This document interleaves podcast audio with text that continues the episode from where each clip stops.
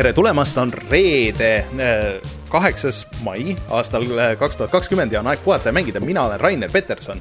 minuga täna siin üle interneti Rein Soobeld. tervist! Martin Mets. tere! ja külas esimest korda Creative Mobile'i CEO Vladimir Funtikov. tervist! me, jätkub meie puhata ja mängida siis Eesti mängude kuu ja Vladimir on siis äh, täna rääkimas äh, Creative Mobile'i tegemistest ja, ja meil täna see teema nagu jätkub, sest et Creative Mobile'i äh, välja antud või arendatud mängust isegi tuleb video täna. super mm, -hmm. mulle see meeldib täna me siis peale saadet paneme üles video VR-mängust Into the Radius, mis siis kõige lihtsam on öelda, et nagu Stalker, aga VR-is Vladimir, mul on väga hea meel, et sa meil külas oled. Ähm, kes ei tea, siis võid, sa võid vastu vaielda, aga ma ütleks, et äh, Eesti mängutööstuse väikses konnatiigis äh, oled sina kõige suurem kala. kas sa, kas sa vaidled vastu või oled nõus? Ei, ma ei hakka vastu vaidlema. see on, see on sinu saade, sina oled siin peremees. miks ma pean vastu vaidlema? okei okay., et äh, täna saame rääkida nii mobiilimänguturust, sellest, mis Eestis üldse toimub äh, ja, ja ka sellest, mis te tulevikus plaanite, mina olen igatahes väga-väga äh, põnevil mm. -hmm aga teeme selle kohustusliku osa siia algusesse ära ja siis äh, tulemegi tagasi ja räägime pikemalt Vladimiriga. ehk siis äh, kust meid leida saab, nagu ikka SoundCloudist, Spotify'st, kõigist RSS-i ja siis podcast'i äppidest, siis meid saab toetada Patreonis Patreon.com Patreon. Patreon.com, kaldkriips puhata ja mangida. Eh, kui toetate meid Patreonis, siis saate meiega liituda Discordis, meiega juttu ajada ja siis saate ligipääsu kõikidele nendele introdele, kus me näiteks valime iga nädal rahvakulda ja kus siis sellel nädalal sai rahvakullaks Call of Duty Warzone Äh, aga kui tahate oma sõna siia sekka öelda, siis äh, tulge igal neljapäeval Youtube'i laivi alates kella seitsmest. Äh, aga Patreonis siis tahaks veel eraldi tänada David Margust, Feilissit ja Jaaku ja siis otse loomulikult kõiki teisi, kes aastate jooksul meid seal toetanud on ja seda veel jätkuvalt teevad, iga raha läheb, läheb heasse kodusse, ma arvan ja ah,, ja kui tahate, siis mõned särgid on veel järgi, et äh, siin paar särki on nüüd läinud jälle ja, ja ma, need must-mustal vist on suht koht otsas, ma pean korra üle vaatama, aga, aga nendega ongi vist ühel pool nüüd lõpuks äh,. ja siis meil on muidugi Youtube'i kanal, Youtube.com, kaldkriips puhata ja mangida äh,, kus siis nagu ütlesin, siis saab igal neljapäeval otsesaadet vaadata, aga siis on ka mänguvideod ja nüüd üritamegi teha terve selle maikuu siis äh, Eesti mängudest videoid, ehk siis eelmine nädal läbi äh, igasuguste viperduste, mitu korda sa, Rein, lindistasid seda? ma arvan, et Overstepiga lõpuks siis neljas kord õnnestus ilma tehniliste jamadeta ja see, igaks juhuks ütlen ära, et need ei olnud siis Overstepi poolsed äh, probleemid, vaid meie, meie salvestusega läks absoluutselt kõik valesti, küll jooksis Discord kokku, kõik läks valesti. väga absurdsed, niisuguseid tehnilisi probleeme polegi kunagi enne olnud, et see oli nagu äh, tõesti midagi uut, ütleks aga lõpuks sai see video tehtud ja minu mälu järgi on see siis esimene kord meil, kui me teeme oma Youtube'i kanalile sellise mänguvideo, kus äh, mängu developer on siis ka samal ajal mm, koos, kellega koos me räägime ja kommenteerime seda mängu mm. -hmm. Ja siis äh, täna läheb järjekordne VR-video, mis on siis jah, nagu ma ütlesin, Creative Mobile'i mäng Into the Radius just nii, ja te mõlemad saite ka seda näha ja kommenteerida mm. -hmm.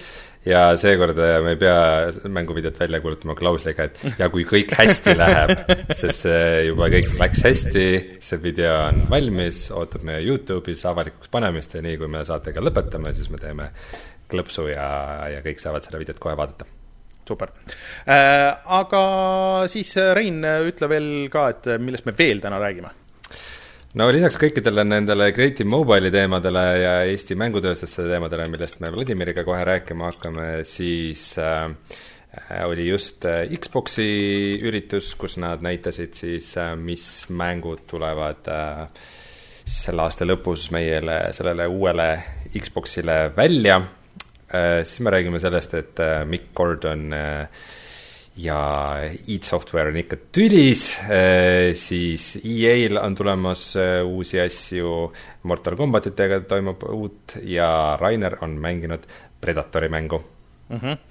tuleme kohe tagasi ja siis jätkame puhata ja mängida Eesti mängude kuuga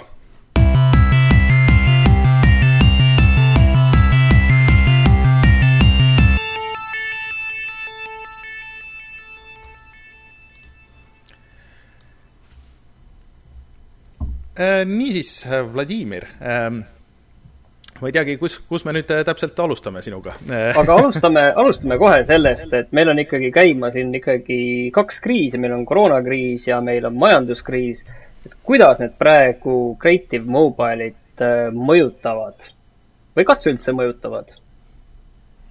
mõjutavad küll ja otsene mõju on nõrk, sest meie äri on loomulikult veebis ja see töökodus oli meie jaoks ka normaalne praktika, enne kui sellest sai mainstream. ja või, võin öelda, et oleme juba selleks valmis. on mõned taktilised probleemid nagu teistel, äh, mõned protsessid on uued ja samas tekkisid aga ka uued võimalused, näiteks me võime nüüd värbada inimesi, kes ei olnud nii-öelda turul, enne kui äh, see pandeemia juhtus, kes tahtsid töötada kontoris kuskil näiteks äh, Valgevenes ja nüüd äh, nad on turul ja nad on meile kasulik.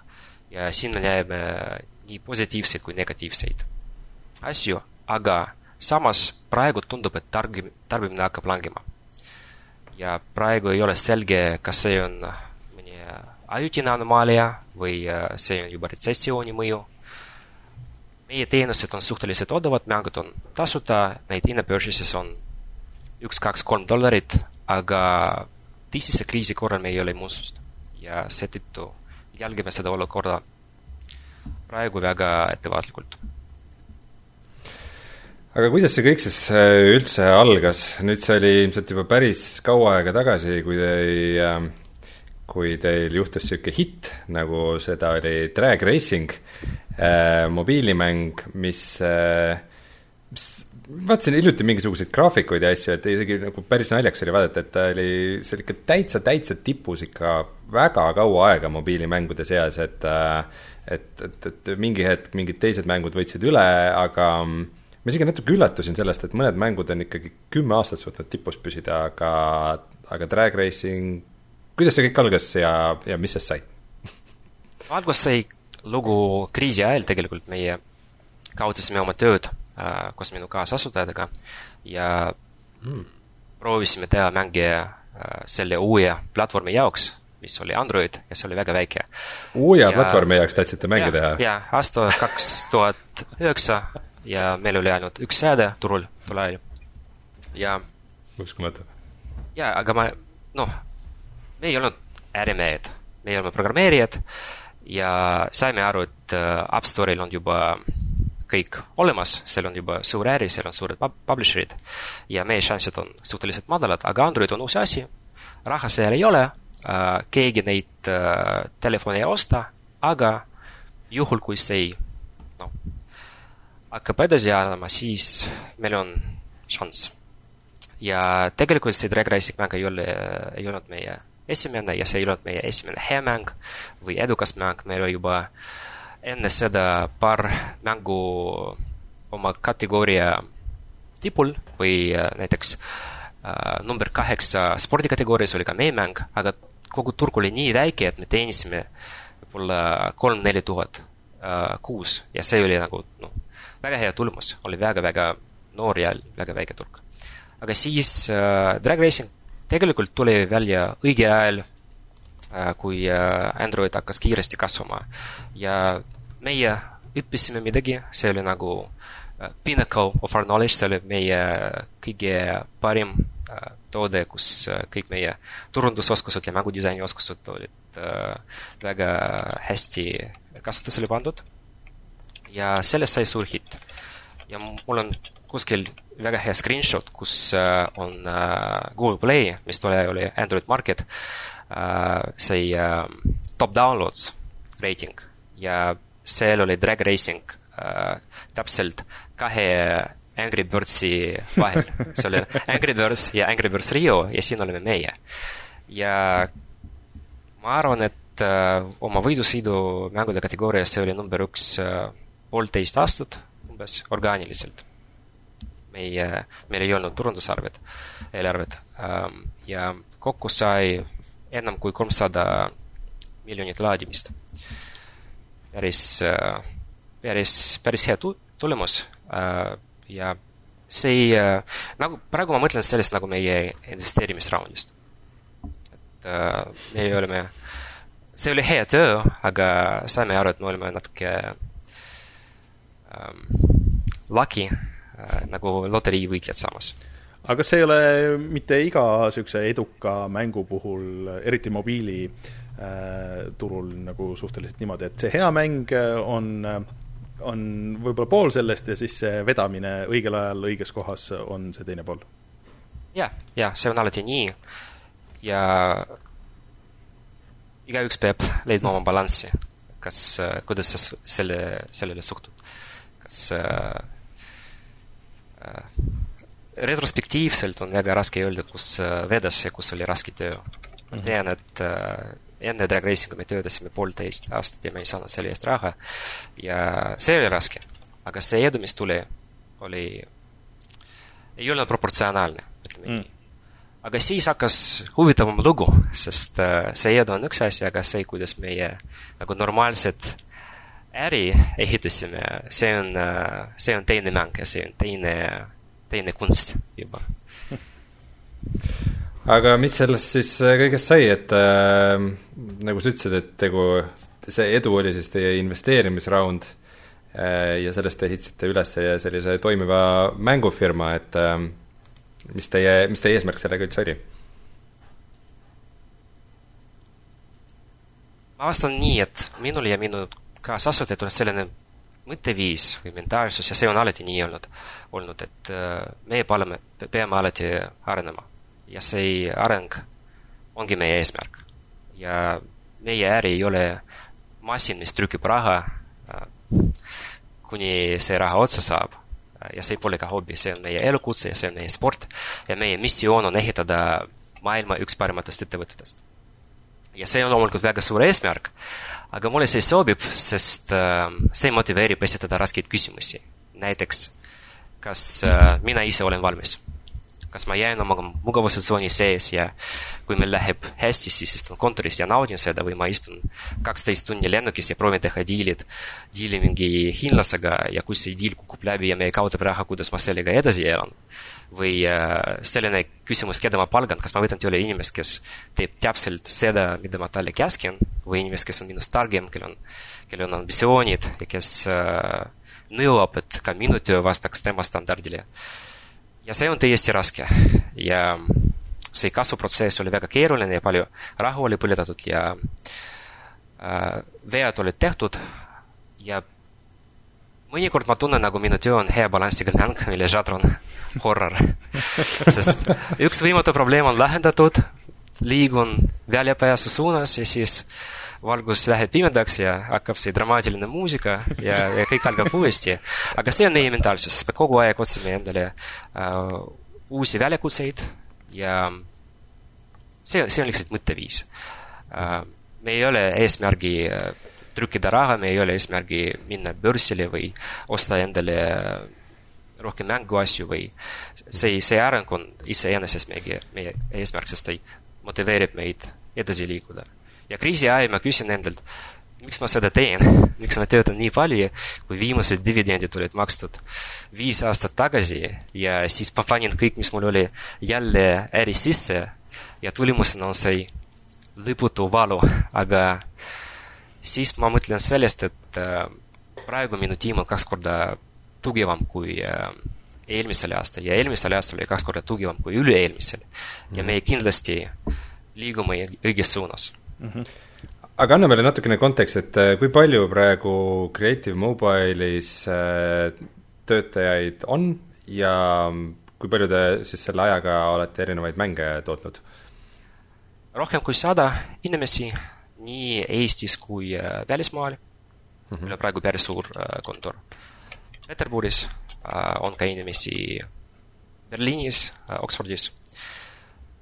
aga palju mänge me oleme lansseerinud, ma ei oska öelda, sest meie maailmas see mängu lansseerimise sündmus ei ole nii suur, see ei ole big deal sest me mm. paneme kogu aeg mänge nagu soft launch'i ja see soft launch võiks, võiks olla äh, globaalne ja see hakkab juba elama, see ei ole veel valmis, aga see hakkab natuke raha teenima ja siis no lihtsalt funktsionaalsust, polish äh,, A-B testime seda ja siis sellest saab päriselt valmis toode, aga me ei tea, mis on see konkreetne päev äh,, millel, millal see juhtus mm. -hmm Äh, Martinil on vist väiksed ühendusprobleemid, nii et ma pean nüüd küsima tema küsimuse. Äh, Martin lihtsalt äh, tahtis küsida seda, et kas ta saaks Creative Mobile'i tööle tulla ja kui palju talle selle eest palka makstakse?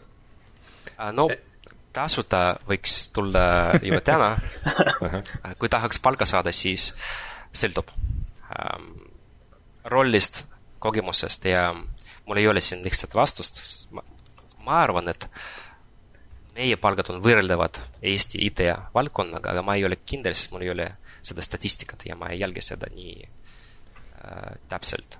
aga ma, ma võin öelda, et minu isiklik eesmärk on, et äh, meil oleksid äh, Eesti kõrgemad palgad. et äh, meil oleks nii, nii tore tiim, et ja, ja meie ma-, majanduslikud näitajad oleksid nii võimsad, et äh, saaks maksta inimestele nii palju, nagu neil on vaja või, või nii palju, nagu nad tahavad. aga kas te praegu see... värbate inimesi juurde ka? jah, ja just võtsime uue peakunstniku tööle eelmise nädala keskel. ja see ei ole selline noh, on-off protsess, see ei ole binaarne, et palgame, värbame, ei värba. meie oleme väga selektiivsed praegu ja näiteks võrreldes meie varasema perioodiga, meil äh, kultuuriline sobivus mängib suurt rolli inimene peab olema aus, peab äh, olema valmis äh, vastutuse võtmiseks, et ta tahaks areneda. sellised kriteeriumid, mis on meie väärtused, nad on kirjas ja kui me alustame suhtlemist kandidaadiga, me räägime sellest, kas sa oled sellega nõus. Kas sa oled nõus näiteks sellega, et sinu vastutuspiirkond on sinu probleem ja kui seal on mingi hädaolukord, see on sinu probleem sinu isiklik probleem. ja see ei ma ei tea, kuidas see on eesti keeles või vene keeles, aga inglise keeles on see väga hea sõna, ownership, vot see ownership on meie kultuuri suur, ma ütleks, et tsentraalne komponent ja see on väga tähtis mm. -hmm. Ma saan aru, et äh, no sa mainisid, et teil on siis ka äh, Berliinis äh, ja Peterburis ja mujal nagu ka kontoreid, aga ma saan aru, et sa, sina või siis Creative Mobile, et te olete ka toonud välismaalt nagu Eestisse mingisuguseid mängudega seotud inimesi tööle, nagu Eestisse elama, vastab see tõele? jah, jah, vähemalt äh, nelikümmend protsenti meie Eesti tööjõust on olenud kuskilt ma ise tahtsin ka seda küsida, et tegelikult Eestis on ju väga raske leida niisuguseid kogenud mänguarendajaid, sõltumata sellest ähm, Äh, valdkonnast, kuhu siis täpselt, et on see siis joonistamine või on see programmeerimine, et et, et kas see on nagu lihtne protsess teil? ei ole üldse lihtne ja see on alati olnud meie kõige suurem valu ja seetõttu meil on äh, teised lokatsioonid ja just seetõttu meil on äh, Peterburis kontor mm. -hmm. mitte äh,, see ei ole raha küsimus, see on äh, tööjõu küsimus ja kogemuse küsimus, sest kui me oleme suurem meie valdkonnas, suuremad, siis äh, kust ma leian inimesi, kes on minust targemad või parema kogemusega ja, ja see on just see, mida ma tahan, et järgmine töötaja, kes, kes, kes tuleb, et ta oleks targem kui mina. Sest nii me kasvame ja arvame edasi. ja see oli väga raske alguses ja see on praegu ka raske, aga natuke kergem, sest äh, kõik see äh, koostöö äh, Äh, meil, meie kommuuniga, meie konverents, äh, koostöö ülikoolidega, see on äh, andnud ka tulemust ja vähemalt meil on praegu haridus ja vähemalt meil on väga head internet ja meil on teised firmad ja meil on teised superstaarid juba. ja see kõik see asi hakkas liikuma ja see on noh, see leevendab natuke see, see valu, aga nagu me räägime, see värbamine on meie number üks prioriteet, mitte mm -hmm. mängud. aga noh, Disco Elysium mõned aastad tagasi äh, kolis kogu oma mängutootmisega Inglismaale ja ütlesid, et äh, Eestis pole mingit mõtet üldse mängu teha, et siis äh, teil ei ole kiusatust olnud Eestimaa tolm jalgelt pühkida ja kuhugi ära minna? no ei, ma arvan, et see on pigem poliitiline, see on political statement, sest sa võid värbata inimesi Londonis, aga sinu äri jääb Eestis. ma, ma ei näe siin probleemi. see remote work on normaalne asi, meil on kontor välismaal ja teine kontor välismaal ja saame hakkama sellega mm. -hmm aga no räägime natuke siis üldisemalt sellest Eesti, Eesti mängutööstusest, kas Eestis on üldse mängutööstus? jaa, kindlasti on. Äh, ma arvan, et sa mingeid ametlikke numbreid ei tea, aga kui sa pakuksid äh, umbes, kui palju töötab Eestis inimesi mängutööstuses? umbes tuhat? jah, kui me ähm, räägime ka nendest äh, teenustest nagu igasugused äh, reklaamivõrgustikud ja neid äh, firmad, mis ei ole päriselt äh, mänguarendajad, aga on meie valdkonnaga seotud, siis äh, jah, jah, võiks olla tuhat. okei okay.. ja mm, arvad, et see on potentsiaali enamaks ja kui, kui on, siis äh, mis, mis takistab, kuidas see, kuidas see mängutööstus võiks olla suurem ja parem? kindlasti on potentsiaali enamaks ja mina tunnen nii, et see on vaid algus, peab olema rohkem. Ja no näiteks vaatame, mis, mis, äh, mida oleme näinud viimase aasta jooksul, meil on loomulikult Xiaomi ja nende Disco Elysium, need on meie superstaarid praegu. Mm. -hmm. ma tean, et äh, teie podcastil käis Leene ja, ja nende Death and Taxes nii nagu ma tean, ka väga edukas indie-mäng, Overstep on väga huvitav projekt. Ähm, ma proovisin seda eelmisel nädalal. okei okay.. on ka selline väga huvitav VR, AR Äh, projekt, mille nimi on Credo of Sins.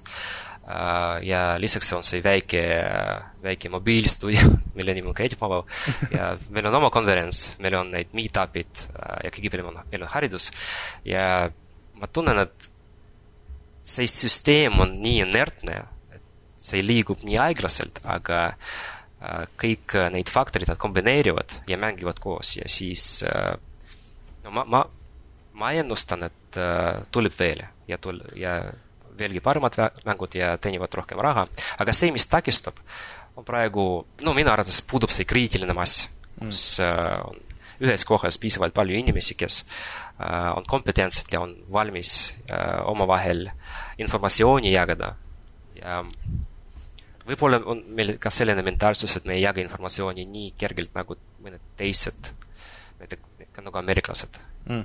näiteks aga kuidas sa nagu tulevikku üldiselt näed, et äh, noh, nii Eesti võtmes kui võib-olla nagu Creative Mobile'i ja maailma võtmes üldisemalt, et ähm, kas tulevik on mobiilis, äh, nagu siin räägiti, et kõik arvutid ja konsoolid on, varsti on surnud siis, kui Uja välja kuulutati ja nii edasi, et äh, aga, aga tundub, et mobiil on nagu üks ja arvutid on teine ja konsoolid on kolmas, aga, aga siis on nagu mingisugused ühisosad ka või et ähm, läheb kõik niimoodi edasi, nagu praegu on läinud, või saab sellest kõigest üks suur platvorm või kuidas sa tulevikku näed?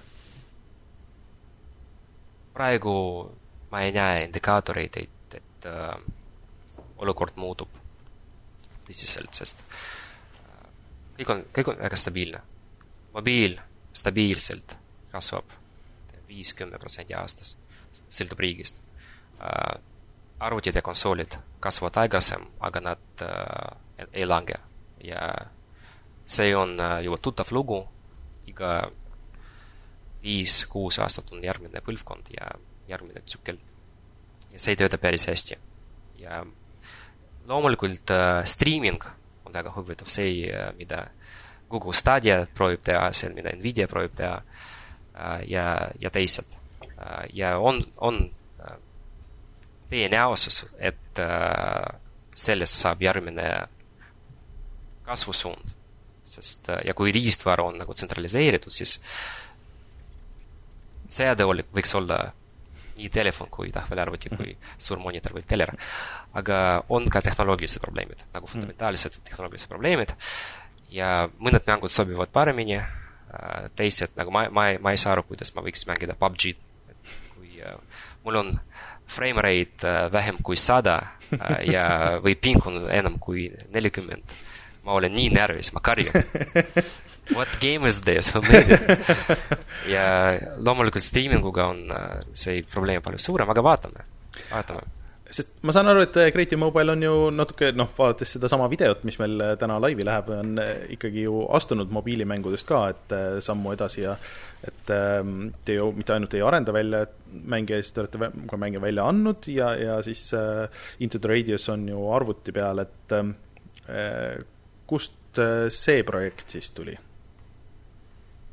Kõigepealt meil oli tiim, väga väike tiim, paar inimest, kes äh, väga tahtsid seda teha. ja meil on selline kultuur, et kui äh, sa väga-väga tahad midagi teha, siis äh, mõnikord sulle antakse raha ja võimalust seda proovida.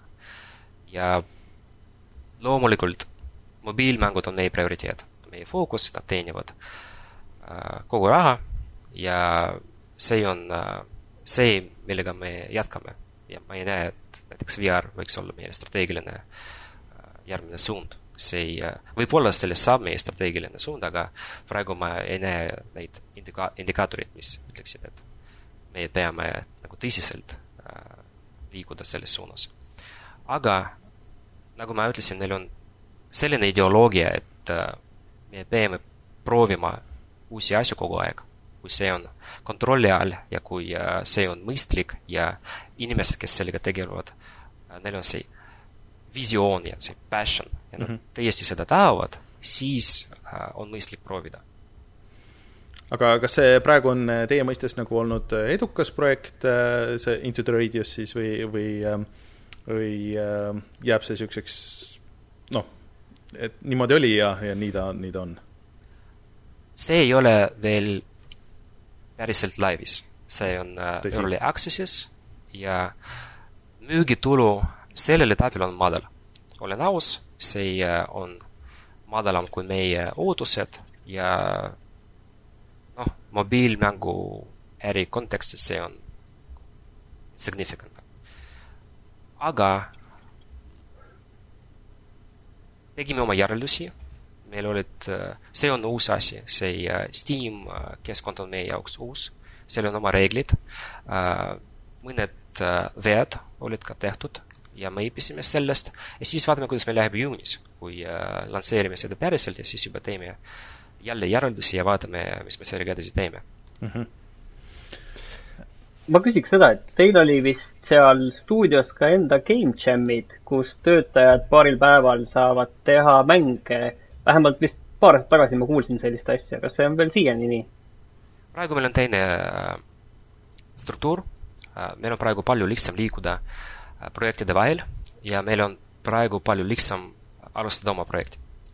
ja neid game jam'id, ma tahaks seda teha jälle, aga see ei ole nii kriitiline enam, sest äh, neid mängureeglid on praegu läbipaistvamad ja inimestel on palju valikut, kuidas äh,, millega nad, millega nad tahavad tegeleda või äh, mis projekti, äh, mis projekt on nende jaoks huvitav või äh, kas nad teevad oma mikrotiimi ja proovivad midagi veel.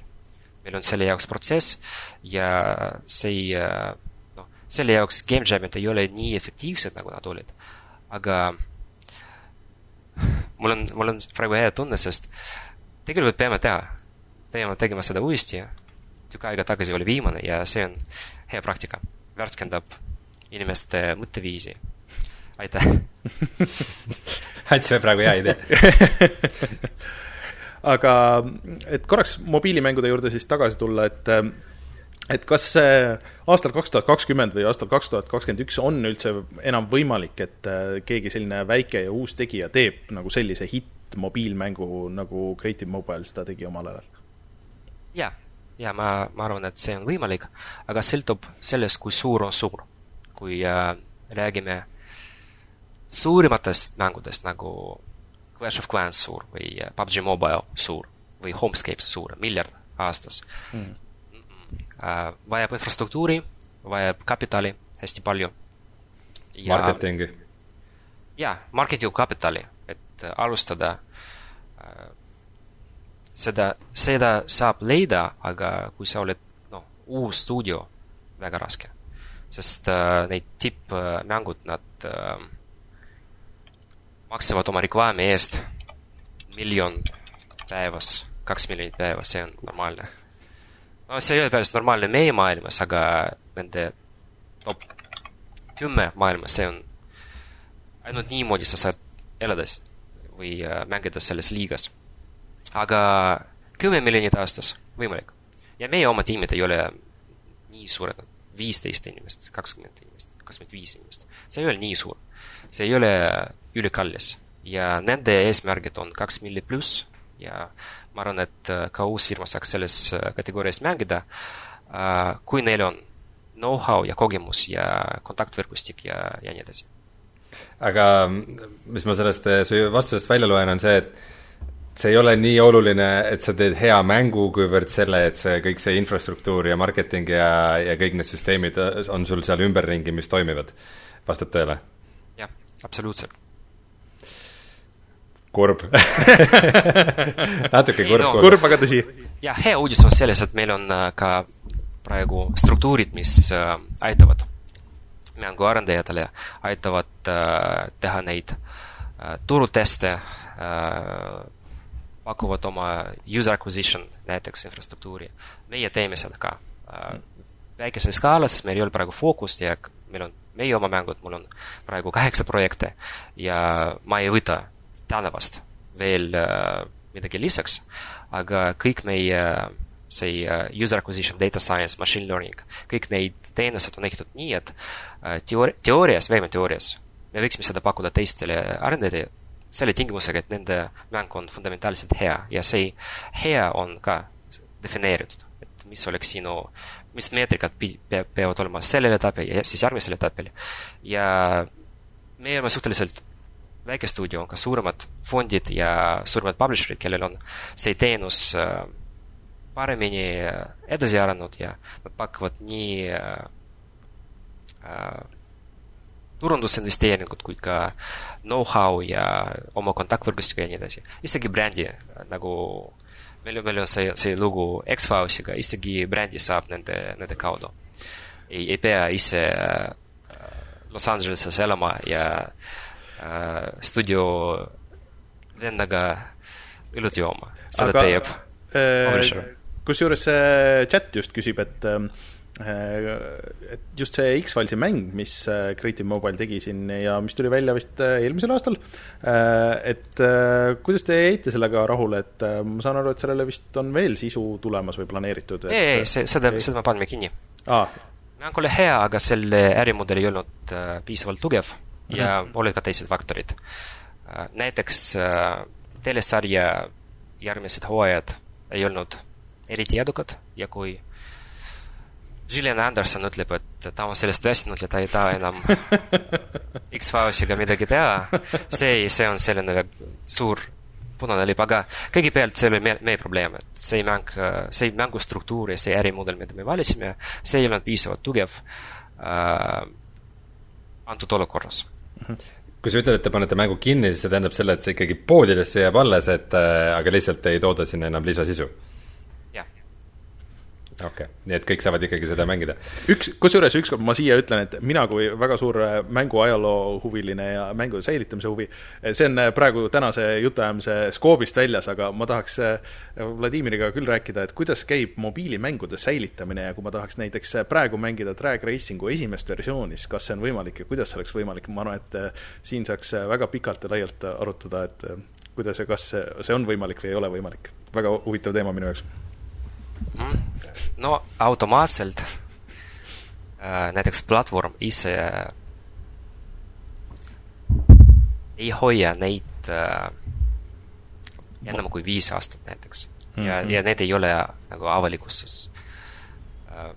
ma võin äh, alla laadida meie oma mängude eelmised versioonid läbi meie nagu developer konsooli mm., aga näiteks ma, ma, ma ise otsisin äh, sel esmaspäeval meie mängu, sest me praegu võtame seda turult, sest me panime seda kinni juba kuus aastat tagasi või seitse aastat tagasi, see on väga vana.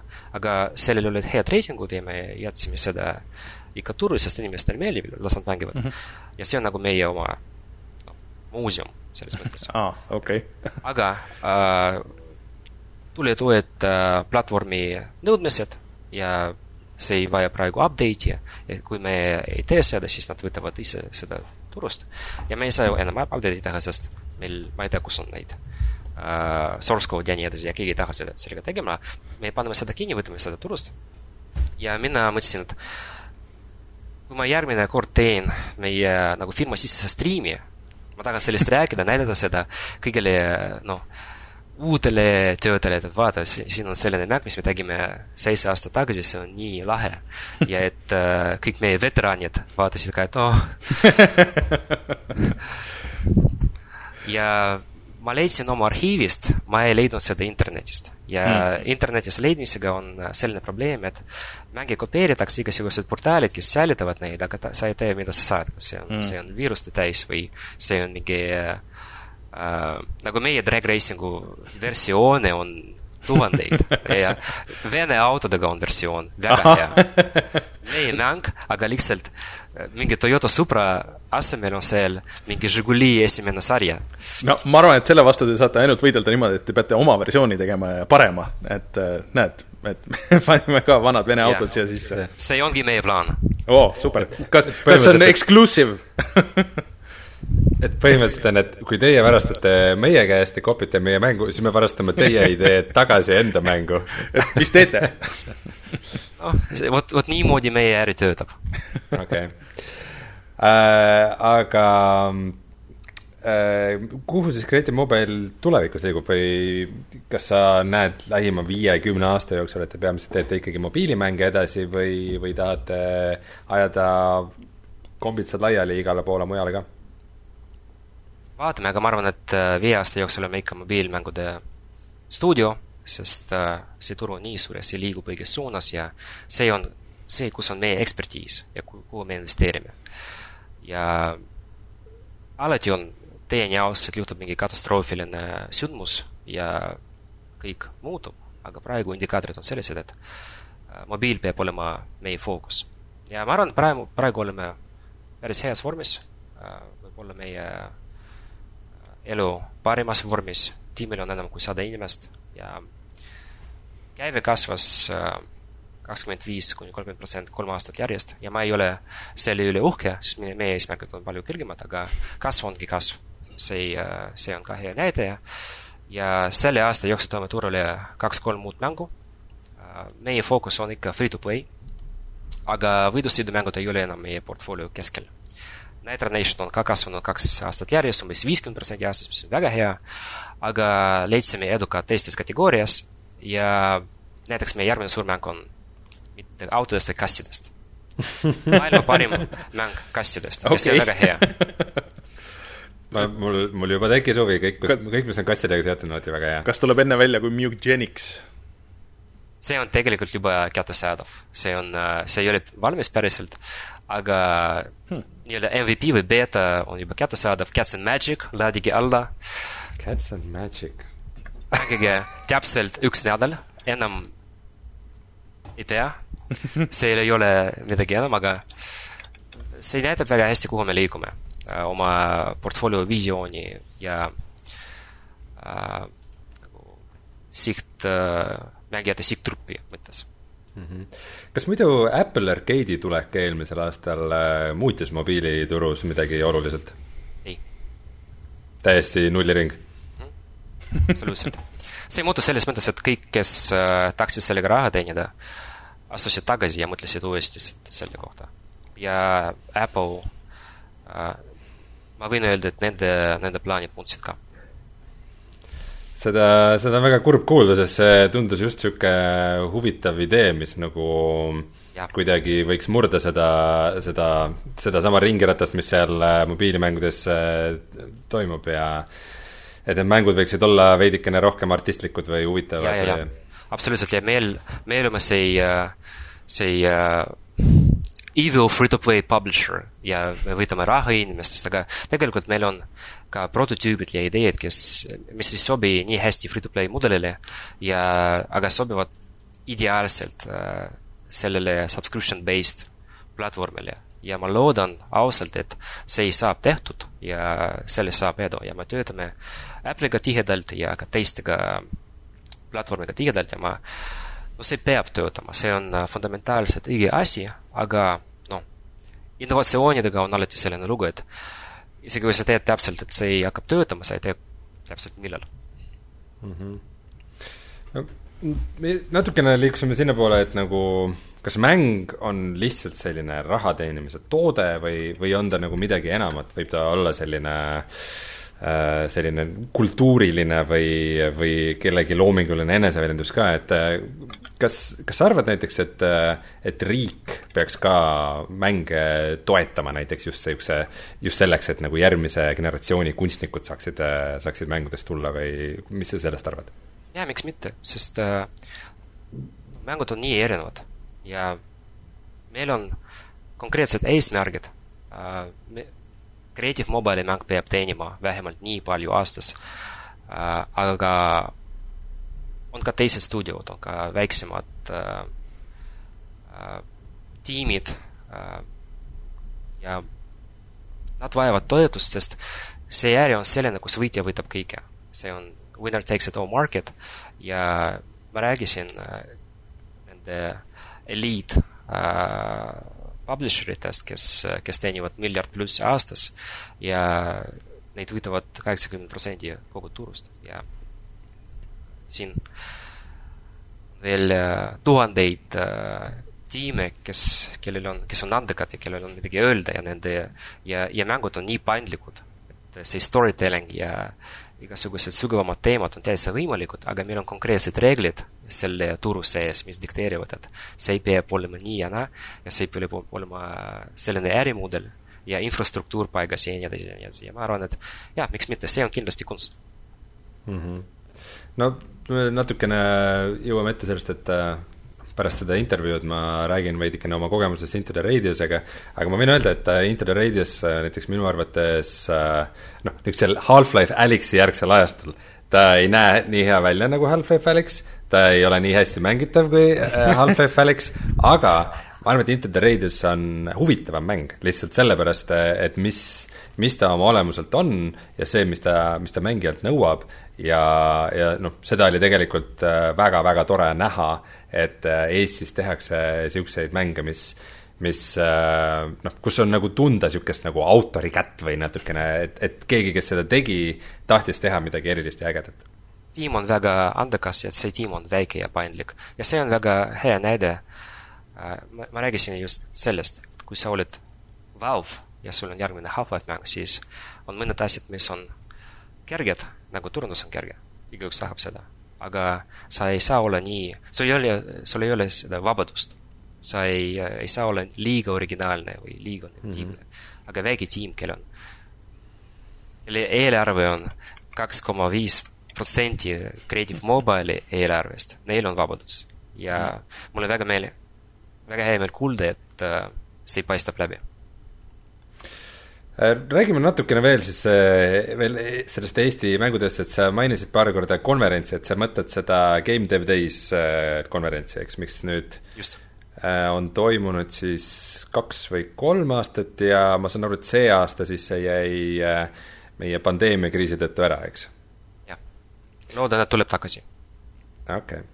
Uh, kindlasti olid see, selleks aastaks väga põnevad uh, asjad sinna just äh, nagu kõik asjad. nüüd ei näe aga ma peaks, me peaks ikkagi rääkima ühest niisugusest natukene keerulisemast teemast, just Eesti mängutööstuse võtmest, et sa arvasid, et umbes tuhat inimest siin töötab nii palju, kui mina olen liikunud Eesti mänguringkondades, siis tavaliselt niisugune ametlik suhtluskeel on inglise keel, aga ma olen nagu täheldanud üsna selget või konkreetset lõhet eestikeelse ja venekeelse arendajaskonna vahel, et eh, mis, mis näiteks Creative Mobile'is, kas töökeel on eesti keel, vene keel, inglise keel? Vene-inglise, vene-inglise, kuna meil on kontor äh, Venemaal ja meie partnerid on Ameerikast, siis vene-inglise. aga teie põhi, peakontor on Tallinnas ja ma saan aru, et seal ikkagi peamiselt töötavad venekeelsed äh, inimesed, et ja, miks, miks ja. see nii on, kas, kas see on paratamatus või? Sest me värbasime Venemaalt ja Ukrainast, sest kui me alustasime, meil ei olnud, me ei saanud leida kedagi siin ja me mhm. pidime võtta äh, produtsente ja mängudisainereid äh, välismaalt ja miski tõttu soomlased ei tahtnud kolida, sakslased ei tahtnud kolida või nad küsisid nii, liiga palju raha selle eest. aga Venemaal, Ida-Euroopas on ülihea mänguvaldkond. traditsiooniga, seal on ma ei tea, seal on maailma parimad stuudiod, kes on tipus olnud juba viis mhm. aastat, kümme aastat. ja mm. see oli naturaalne asi ja mulle see ei meeldi, ausalt öeldes, aga see oli vajadus ja tegime seda, mida me pidime tegema. mis sulle ei meeldi siis täpselt? mulle ei meeldi, et äh, meil ei tööta piisavalt palju inimesi, kelle emakeel oleks eesti ja ma ei tea, miks see nii on mm. -hmm. kas meil neid, isegi need, kes äh, Venemaalt kool-, kolivad Tallinnasse, nad õpivad eesti keelt ja see ei ole see on nende initsiatiiv. meie aitame, meie maksame nende kursuste eest mõnikord, aga see on nende initsiatiiv ja meil on selline atmosfäär, et äh, noh, meil on kanadlane, kes töötab siin Tallinnas. Ja praegu ta oskab vene keelt ka ja ta oskab eesti keelt veelgi paremini, aga selles ei ole probleemi, see ei ole mm. nagu meie kultuuris probleem, absoluutselt nii et äh, probleem on lihtsalt selles, et eestikeelseid talente on liiga vähe? võib-olla, võib-olla ka, et meil on selline maine, et äh, noh, asutajad on venelased, üks on ukrainlane mm. -hmm. Ma ei tea, ma täpselt ma ei tea. aga loodetavasti inimesed kuulevad seda siin praegu ja, ja mõtlevad ringi. Mm -hmm. jah, see, see oligi mein, minu message, et uh, meil on väga avalik kultuur ja meile meeldib, kui on, meil on uh, meie kontoris, mis on praegu suletud, aga seal on uh, selles uh, ruumis, kuhu inimesed saabuvad, meil on lipud seal ja lippu on üheksa tükki. meil on ja iga lipp on äh, natsionaalsus, mis meil töötab. see on mm., see diversity on hea asi. meie, meile meeldib see mm. -hmm aga äh, ma ei tea, kas laseme varsti Vladimiri vabaks, aga, aga enne, kui me laseme sind vabaks, siis küsime ühe niisuguse tõsiselt raske ja niisuguse keerulise ja põhjapaneva küsimuse, et mis on meid siin painanud aastate jooksul korduvalt ja korduvalt. ütle meile palun kolm nagu päriselt head mobiilimängu? see on tõsiselt raske küsimus kõik neid, neid on nii palju ja Aha. neid on nii erinevad ja neid on igale maitsele ja aga okei okay,, ma pakun minu, minu, minu isiklik äh, top. kõigepealt PUBG Mobile okay.. sest see on parem kui originaal okay.. ja selle taga, ei, tegelikult see, selle live ops on teisel tasemel. et äh, nende, see, kõik see aktiivsus, mis mängus sees käib, on teisel tasemel. ma mängin äh, desktop versiooni hästi palju, mul on viissada tundi seal, aga mulle meeldib mobiilversioon rohkem, sest need inimesed, kes seda opereerivad, nad tõsiselt teevad, mida nad teevad. aga seal on bot'id ja see on hea asi ja konsooli versioonis on ka botid praegu. ja see on hea, sa võidad. ma laadisin seda alla, ma mängisin, mul oli, ma ei tea, mul oli kogemust tavalise PUBG-ga ja siis ma laadisin seda alla ma, ja ma võitsin. Ja mul oli nii hea meel. ja me alati räägime siiani sellest, et meie äri on emotsiooni tekitamise äri ja see tekitas emotsiooni mm., mitte depressiooni nagu e, minu, minu esimesed kakssada tundi PUBG-s, see oli depressioon näed, Rein, ma räägin kogu aeg seda, et, et mängudes peab lõbus olema ja mängud peavad lõbusad olema, ei pea ja, hambad risti suruma sealt läbi ennast. ja kui Lisaks... keegi sulle esimest korda rääkis, et uh, sorry, Vladimir, aga, aga need olid bot'id, kelle vastu sa võitsid oma esimest mängu, siis tuli depressioon noh, minu esimene vastus sellele oli äh,, botid ei saa mängida nii halvasti nagu, aga tegelikult saavad. aga lisaks äh, selle taga on väga huvitav lugu, sest äh, Tencent, kes omavad õigused selle, selle mobiil, PUBG Mobile mm -hmm. versioonile, nad tegid tegelikult kaks mängu korraga ja neil oli kaks stuudiot, kes samaaegselt konkureerisid omavahel ja tegid nagu kaks versiooni ja siis nad valisid, et okei okay,, sellest saab ametlik PUBG Mobile ja sellest saab teine mäng. väga huvitav lugu mm.. ja iseenesest selle nii suure mängu pordimine mobiil on väga raske, sest oleme ausad, PUBG tuli turule kolm aastat tagasi, see ei tööta normaalselt täna, see on it's a broken game. mobiilversioon on, ka ei tööta normaalselt, aga no mõtleme nagu skaalast. ja see on minu arvates, no tõsiselt äh, suur saavutus mm., nii tehniline kui ka äärisaavutus ja see teenib hästi palju raha, miljard aastast uh. okei okay,, mäng number kaks uh, kui tahaks midagi rahulikuma tempoga, siis ma soovitaks sellise mängu nagu Pocket World 3D. Pocket World 3D. Pocket Aga, World? Pocket World, nagu taskumaailm 3D ah. Uh, see uh, on uus, see ilmus novembris uh,. väga hea. see on nagu puzzle stiilis mäng. ja ma valisin seda, see, selle, seetõttu, et uh, meil on CMS prototüüp, millest saab selle aasta jooksul normaalne mäng, mis on sellega väga sarnane. Mm. meil oli täpselt sama idee äh,, natuke teistmoodi, aga väga sarnane. Nad äh, jõudsid turule natuke varem, aga äh, ka ülihea realisatsioon, mulle väga meeldis hmm.. Hmm. ja minu kolmas soovitus oleks Nitro Nation sest ma arvan, et meie, meie oma Nitro Nation on, on, on ikka hea mäng ja täna see on, see peab olema App Store'i esilehel sada kolmkümmend kolm riigi, kui ma mäletan õigesti. see on uh, nende App of the Day või whatever uh,. McLaren Senna, uus auto uh,, hea sündmus ja hea põhjus uh,, miks uh, seda võiks alla laadida ja proovida, kui sa pole veel seda proovinud uh, vist ikkagi pea küsima, kuna, kuna Martin on, on vist äh, disconnect itud, siis ma pean küsima sellise ajakirjandusliku küsimuse ka. et äh, kui sa nii väga siin oled äh, edukas olnud auto- ja kihutamismängudega, siis mitu sportautot sul endal on? üks, üks vana sportauto, mul on BMW M3 E üheksakümmend kaks kupee, kümme aastat vana V8, nelisada hobujõudu, mulle väga meeldib. olen sellega harmoonias ja ma ei ole see tüüp, kes ostab endale Lamborghinisid. see ei ole nagu minu, minu elu fookus. ma sain, mulle meeldivad autod ja mul, mul, ma olen autode fänn, aga äh, see, see emotsioon, mis see mulle annab äh,, piisavalt hea okei okay,, aga selleks, et äh, inspiratsiooni saada drag racing'u mängude jaoks, siis äh, vahepeal peate kolleegidega kuskil mingi maantee kinni panema ja äh, veidikene praktikas harjutama, kuidas asjad välja näevad või kuidas, kuidas sellega on? ja, ja teeme, teeme seda ka. Ja tänu sellele, et meil, me teeme koostööd iga, igasuguste autobrändidega, meie litsentsi, räägime, kui me räägime litsentsidest natuke jälle, meil on kõik autod mängus litsenseeritud ja neid brände on vähemalt kolmkümmend seitse praegu.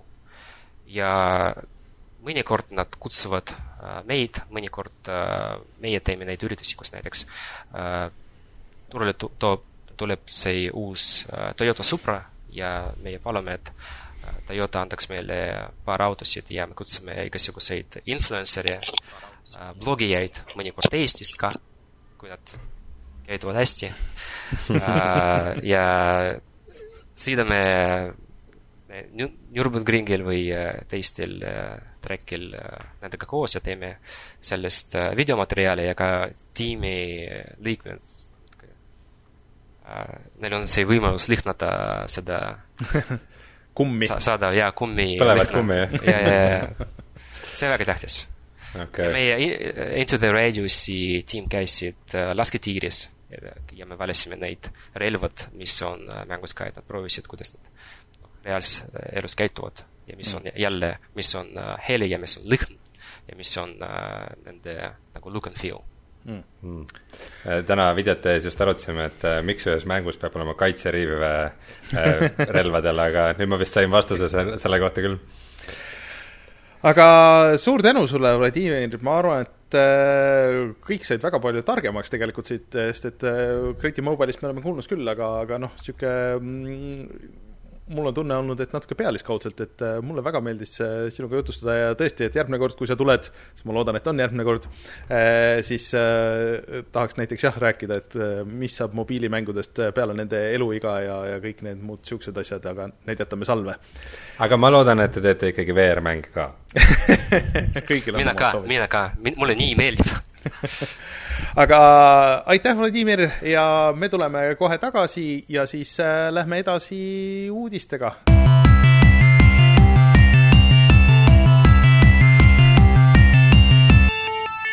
uudised. nii, äh, vahetult enne meie saadet just äh, oli tegelikult siis Xbox'i niisugune äh, event, äh, see Inside Xbox siis, äh, kus lõpuks ometi näidati portsu siis Xboxile tulevaid mänge. aga see nüüd hakkas, ma jõudsin selle ära vaadata, selle esimesed pool tundi, mis oli siis mõeldud treilerite ja kõikide asjade jaoks, siis hakkas nagu niisuguse kõva pettumusega, et siin näete küll mänge, aga Microsofti enda stuudiote mänge näete juunis, nii et kõik need on siis teistelt stuudiotelt aga mis mulle nagu suures plaanis meeldis, oli see, et äh, näitasid päris alustame kõige, võtame nagu, mis kõige olulisem oli äh,? ma arvan, et äh, mm, oluline on raske öelda, aga, aga mulle väga meeldis see Vampire the Masquerade'i äh, see treiler. et see nägi okay. tõesti välja nagu uue generatsiooni uh, Dishonored uh, ja sihuke väga stiilne, et mulle kuidagi jättis väga ägeda mulje aga muidu nad näitasid siukse hea miksi nagu, et siukseid A-mänge ja siis nad, millega nad alustasid, oli äh, mäng, mille tegi üks inimene äh,. aga see noh, väljanägemise põhjal nagu ei oleks küll nagu seda öelnud äh,. et äh, selle nimi vist on äh,, oota äh,, kaotsin ära selle, selle nimi, ah nii äh,, Bright Memory Infinite, kui ma õigesti aru, jah, see on see. suurepärane äh, nimi no üldse kõik need nimed ja, ja, ja logod, nagu Martin Kauber meil seal Discordis ütles, et äh, need olid niisugused mitte väga meeldejäävad, aga, aga treilid tundusid huvitavad. siis äh, Drift viis, seda vist ei olnud üldse välja kuulutatud. Dirt viis. või Dirt viis tähendab, vabandust, jah. jah, ja seal on niisugune väike tehniline nüanss ka, et minu teada see on, saab olema siis esimene mäng, vähemalt nendest, mis on välja kuulutatud, mis toetab Xboxil ka sada kak-, kahtekümmend äh, freimi sekundis. et äh, äh, et sul on valik siis, et kas mängid 4K kuuskümmend või siis on ilmselt see variable resolution ja sada kakskümmend FPS-i, et ma ei tea, kas praegu üldse telekaidki on, mis toetavad seda tegelikult, et pead siis ühendama selle arvutimonitoriga või midagi niisugust ja siis huvitav oli see ka, et nüüd sellel nendel mängudel, äh, mis toetavad seda mõlemat generatsiooni siis, on nagu eraldi logo ja eraldi nimi ka. Äh, see on see Smart Delivery, et äh, ma ei saa aru, miks nad just selle valisid, aga ju siis nagu, et noh, et Xbox siis saab aru, et kumba versiooni ta tõmbab. ja see oli minu meelest küll kõikidel nendel mängudel peal, mida nad siin praegu näitasid, et, et need siis töötavad ja on mängitavad Xbox One S-iga, mida nad rõhutasid et ma ei tea, kas see tähendab seda, et see vana One on välistatud või, või milles on äh, probleem, aga, aga mitu korda käis see just see One S nagu sealt läbi äh,. aga okay. et, et selline eraldi nagu logo on nende asjade jaoks äh,. ja siis äh, Yakuusa seitse äh, mis muidu on olnud ikkagi nagu niisugune Sony seeria, et küll need vanad, need remaster'id ja need on tulnud äh, järjest siin ükshaaval äh, Xbox'i peale põhimõtteliselt on olnud ka selles Gamepassis, aga Yakuusa seitse nüüd, kui ilmub, siis ta ilmub äh, Xbox'il ka ja, ja isegi tegelikult PC-l, mis on tegelikult päris hea uudis kõigile, et äh, ta on olnud äh, mingi mitu aastat isegi lukus nagu muidu äh, Playstationi peal, et enne kui ta üldse siia kõigepealt tuleb äh, Jaapanist välja ja siis, et millal teiste nende konsoolide peale tuleb äh,. ma saan aru, et EA teeb ikka Maddenit veel see oli suurepärane uudis. aga jõhker pettumus oli see, et äh, lõpus siis kõik, alguses öeldi, et okei okay,, et uh, stick around ja siis uh, näitame sulle seda Assassin's Creed Valhalla gameplay'd ja kõike seda. ja siis lõpuks, kui see aeg kätte jõudis, siis see oli lihtsalt nagu mingisugune story treiler, mis küll oli nagu in-engine, aga nägi välja täiesti suvaline Äh, kas selle nimi oligi gameplay? Äh, jaa, oli selle, selle nimi oli gameplay, see ei olnud absoluutselt gameplay nagu. et see, see oli täiesti mõttetu nagu, et põhimõtteliselt oleks võinud sedasama treilerit näidata enne, ah, ma nüüd unustasin panna tegelikult taustaks käima, et me oleks saanud äh, striimi vaatajatele neid kõiki asju näidata, aga, aga see selleks. et aga, aga need teised asjad nagu olid äh, huvitavamad ja see üks äh, Bandai äh, uus sihuke anime stiilis mäng ja, et nad lubasid, et asju on, on veel tulemas. Siis, et nüüd ju tegelikult hakkab see Jeff Keeli veetud nii-öelda E3-e asendus äh,, mille nimi oli mingi Game noh, mingi Summer, mingi blablabla bla, bla, et aga et ühesõnaga vaata, et natuke oht oli see, et nüüd, kui E3 jääb ära, on ju, ja, ja kõik on nagu kodus ja kõik hakkavad tegema siis äh, oma neid äh, mingisuguseid striime ja neid asju, et see info läheb väga hüplikuks, et nüüd vähemalt on mingisugune üritus, mis siis üritab vähemalt koondada kõik need asjad nagu kokku, et on mingisugune kanal, mida jälgida ja kes äh, võib-olla kogub mingid siuksed asjad ka sinna, kes muidu võib-olla ei saaks teha äh, striime, mingid indikad või, või midagi siukest, et äh, aga, aga see nüüd hakkab toimuma siis minu meelest juuni algusest peale või midagi sellist, et, äh, et siis tasub jälgida. aga üldiselt, no ma ei tea, need mängud, mis need, kõik olid ilusad, need indikad ka, et, et jooksid hästi, aga, aga no igal, kõikidel asjadel muidugi olid disclaimer'id peal, et, et konsool on veel arenduses ja mäng on arenduses, et, et noh, aga et see on see target, et kuhu me tahame jõuda, et see võib tähendada osade mängude puhul ühte ja teiste mängude puhul teist. aga soovitan see ära vaadata, see on mingi kakskümmend minutit treilerid, et või, või vähem, et natuke aimu saada, et mis siis tulema hakkab. okei okay, äh,, need siis on Xbox'i asjad. tulema hakkab, sellest annab tegelikult no ja ma tahtsin öelda sellest, et natuke sellest, mis tulema hakkab, sellest annab aimu see, kui suureks on läinud äh, Call of Duty äh, failid no ma arvan, et see on anomaalia nagu natuke, sest et see ei ole tegelikult normaalne, see on juba algusest peale, sest et äh, ühesõnaga siis äh, milles, Rein, probleem on? probleem on selles, et nüüd seoses sellega, et Modern Warfare'ile on lisandunud ka siis äh, äh, mis selle nimi nüüd on? see Battle Duty Battle Royale'i mängulaad, mille Warzone? nimi on Ei. Warzone, just, aitäh sulle. Äh, et Warzone ja Martin on mõnusa lag'iga mulle meeldib see äh, et Modern Warfare ja siis Warzone kokku võtavad äh, ruumi praegu nii palju kui kakssada giga. Mis äh, arvestades, et need peaksid töötama siis ka selle konsooli generatsiooni kõige esimeste konsoolide peal, siis on enam-vähem kogu nende kõva ketas. no peaaegu pool jah, sest et viiesajaga ju launch isid kõik. et, et see on juba läinud natukene jaburaks, see olukord ja noh, olles ise mänginud nii Modern Warfare'i kui kui ka siis Warzone'i, siis seal, seal süsteemides on ikkagi päris palju anomaaliat, et ma kirjeldan veidikene, kuidas see PC peal toimub.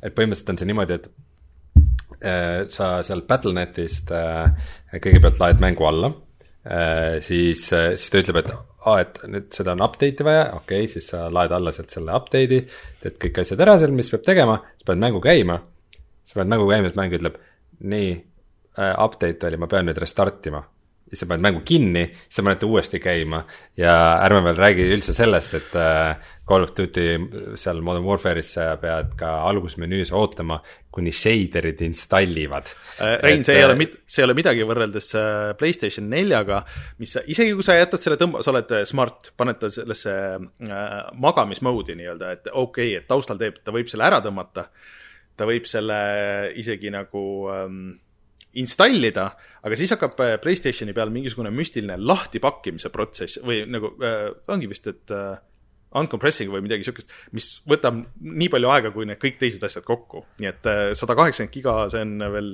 noh, ma ei kujuta ette, mingi kolm tundi ootad seda ja vist, vist üks probleem ongi sellega, selle Call of Duty'ga ka, et äh, sul peab olema ka ruumi selle ajutise lahtipakkimise jaoks Oh, et sa tõmbad, sa tõmbad sada giga alla, aga sul peab olema kakssada giga vaba ruumi installi ajaks.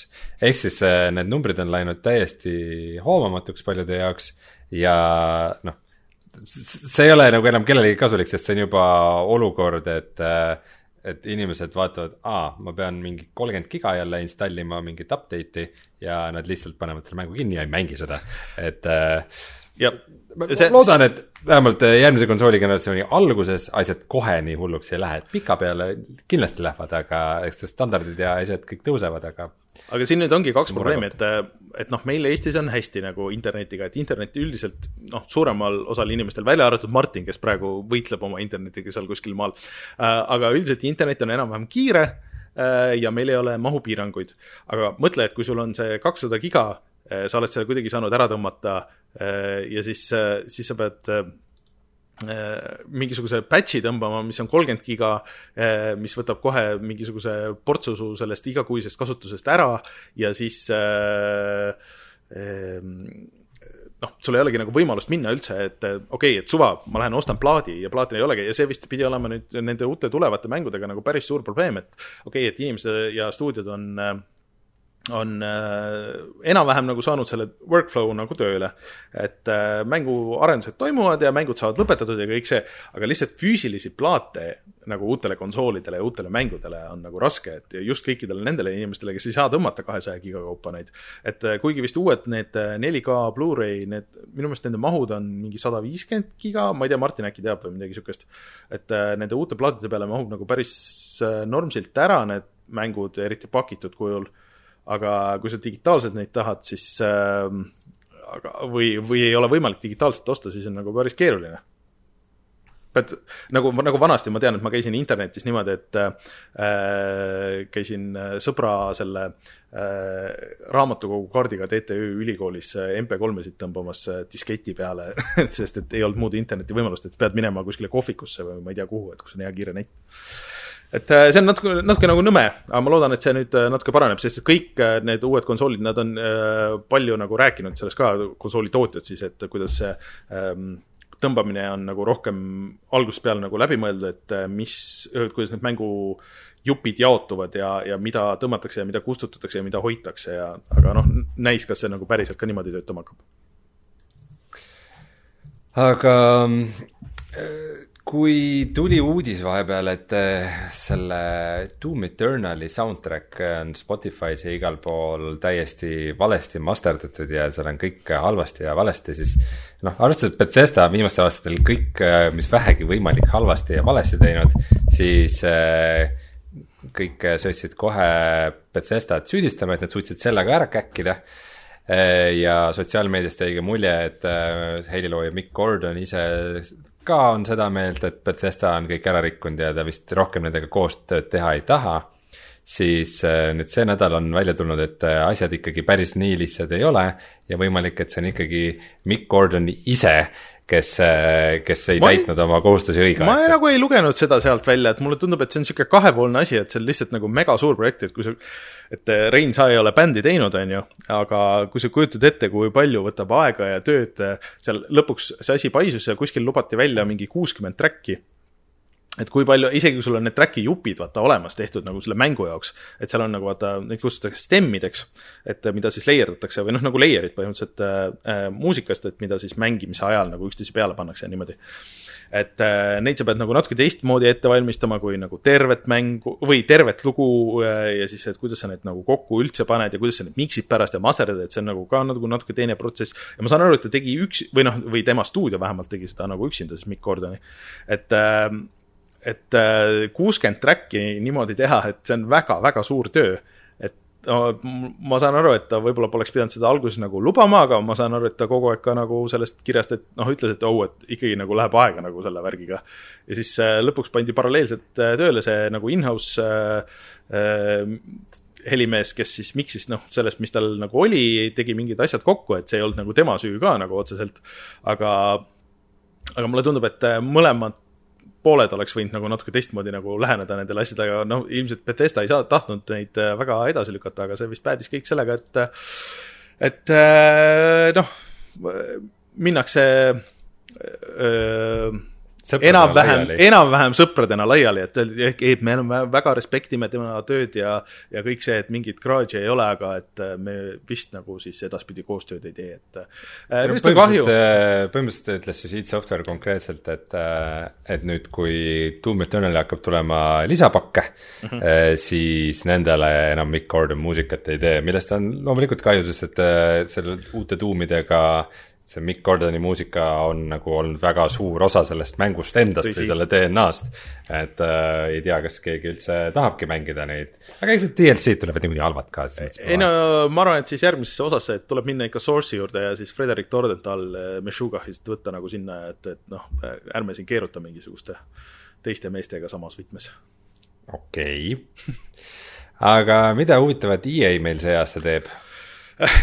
Maddenit, nagu ma sain aru, et äh, ja siis äh, sain aru ka, et äh, noh, mis Martinile eelmine äh, nädal siin nalja tegi ja, ja tuska, et, et Switchi peale tuleb tuleb Burnout Paradise'i äh, versioon äh, väga suure raha eest ja need vist on siis kaks mängu. ja Plants versus Zombies kolm on ju tulemas, et aga et neliteist mängu kokku äh, mm, mõned nendest on nagu teada ja mõned on äh, arvata, ehk siis mingid Fifad ja NHL-id ja, ja nii edasi, on ju. aga, aga üks nendest äh, pakub mulle isiklikult palju huvi, sest et ähm, seda, seda on ammu räägitud äh,. aga need kõlakad ei ole tõeks osutunud, aga võiksid, ehk siis, et Mass Effect'i triloogiast oleks justkui nagu tulemas remaster ähm,. mis oleks väga tuus, sest et see, kuigi see on arvuti peal olemas praegu, juba või noh, nagu ikka veel ostetav ja kõik see, siis iga, iga osa on nagu eri moodi nagu katki, et et kui sa normaalselt tahad mängida, siis sa pead äh, siis mingi äh, sada moodi peale installima ja siis ka ei tea nagu, kas kõik stabiilselt jookseb ja ja kuigi need äh, on selles äh, äh, noh ähm,, siis äh, Xboxil siis äh, tagasi äh, üldjuhul ka nagu mängitavad need Xbox kolmesaja kuuekümne versioonid, siis need ei olnud puhttehniliselt nagu kõige paremad, et niisugune remaster nendest kuluks hästi ära küll. Aga vaata, me oleme päris palju spekuleerinud, et mis üldse EA-st saab, et et need on kõik, need vanad seeriad on väga toredad ja remaster'id on ka toredad ja Command and Conquer'i remaster on nagu fine, on ju. aga mis neilt siis nagu uut tulemas on, et vist ilmselt siis on Battlefield uus, see on ka nagu enam-vähem teada, et aga tahaks midagi nagu päris uut näha. üks asi, mis on teada, mida, mis EA-lt veel tuleb, on äh, siis selle Star Warsi Jedi Fallen Orderi äh, seeriast veel mänge, et, et seda nad teadsid, et see on siis nagu frantsiisi algus no sest ilmselt on see üks neist vähestest mängudest, mis neil edukaks on osutunud viimastel aastatel. nii on.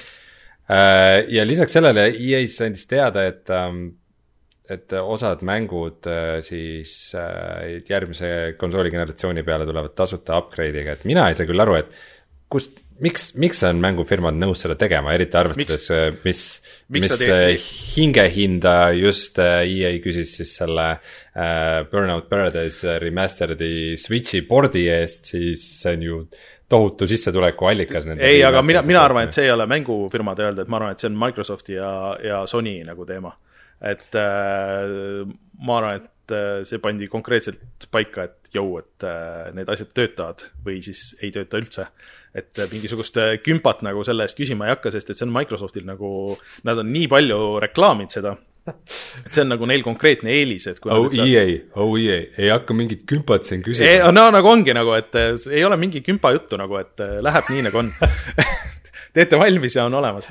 et äh, eks ta mõnes mõttes võib-olla on nagu äh, mänguarendajale nagu töö on ju lisatöö, aga ma arvan, et see tänapäeval ei ole üldse nagu nii raske, kui see oli näiteks Xbox kolmesaja kuuekümne pealt äh, Xbox One'i peale. noh, täiesti teine arhitektuur ikkagi, on ju et aga, aga et äh, sa saad selle suhteliselt vähese tööga, ma arvan, et palju paremaks äh, kõik need asjad seal ja et, et sa saad ise, noh, sul mõnel mängul võib tekkida nagu täiesti uus laine nagu selle pealt, et kui sa saad mõne tehnilise asja nagu kas kõrvaldada või, või leevendada või midagi niisugust, on ju, et okei okay,, et see nüüd jookseb paremini, näeb parem välja ja, ja inimesed, kes muidu noh, võib-olla isegi ei teadnud sellest, on ju, näevad mingisuguses uues võtmes seda ja, ja tahavad mängida.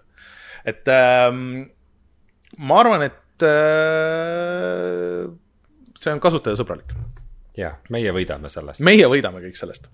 ja see on ainus, mis on oluline äh, siin oli mingisugune Nintendo leke, tahad sellest ka väga kiiresti rääkida uh,? jah, sest et see on, see on, see ei olnud mitte mingisugune leke, aga see on ikka päris rets ehk siis, et tegelikult murti sisse sellesse Nintendo partneri serveritesse, kes tegi ainult Hiinas müüdud IQ um, nagu ongi nagu väike i ja Q niisuguse eraldi konsooli, kus olid Nintendo kuuekümne mängud, kuuekümne nelja mängud eraldi tehtud selle jaoks, sest vot Hiinas on ju konsoolide müük oli aastaid-aastaid oli keelatud Mm -hmm. aga, aga nemad võisid äh,. aga sealt lekkis nagu nii palju asju, ehk siis, et näiteks äh, terve Wii ja Nintendo kuuekümne nelja kogu see nagu lähtekood, et nende konsoolide nagu see lähtekood pluss siis see nii-öelda masinkood äh, nende kiipide ja selle kogu nagu arhitektuuri tootmiseks äh,, mis on, see on väga suur asi, ehk siis see on nagu see, et sa võtad need failid ja saadad Hiinasse kuskile mingisugusesse tehasesse ja siis nad toodavad sulle lihtsalt Wii ja kuna sul on kogu tarkvara ka olemas, et kõik need key'd nagu see, et mis on siis koopiakaitse ja kõik nagu see, et noh, mida osasid asju ei ole lahti murtud siiamaani, on ju.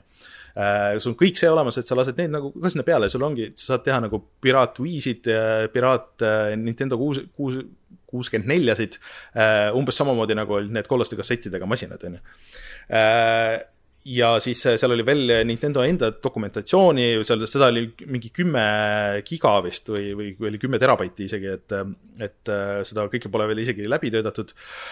aga see on äh, päris suur asi erinevate emulaatorite jaoks, et emulaatorid on praegu nagu selles suhtes legaalsed, et vaata, nad ei kasuta seda originaalkoodi, et see on nagu Nintendo omand või siis mis iganes mängutootja omand et nad teevad nagu seda tagurpidi ja üritavad välja mõelda, et kuidas need asjad võiks toimida.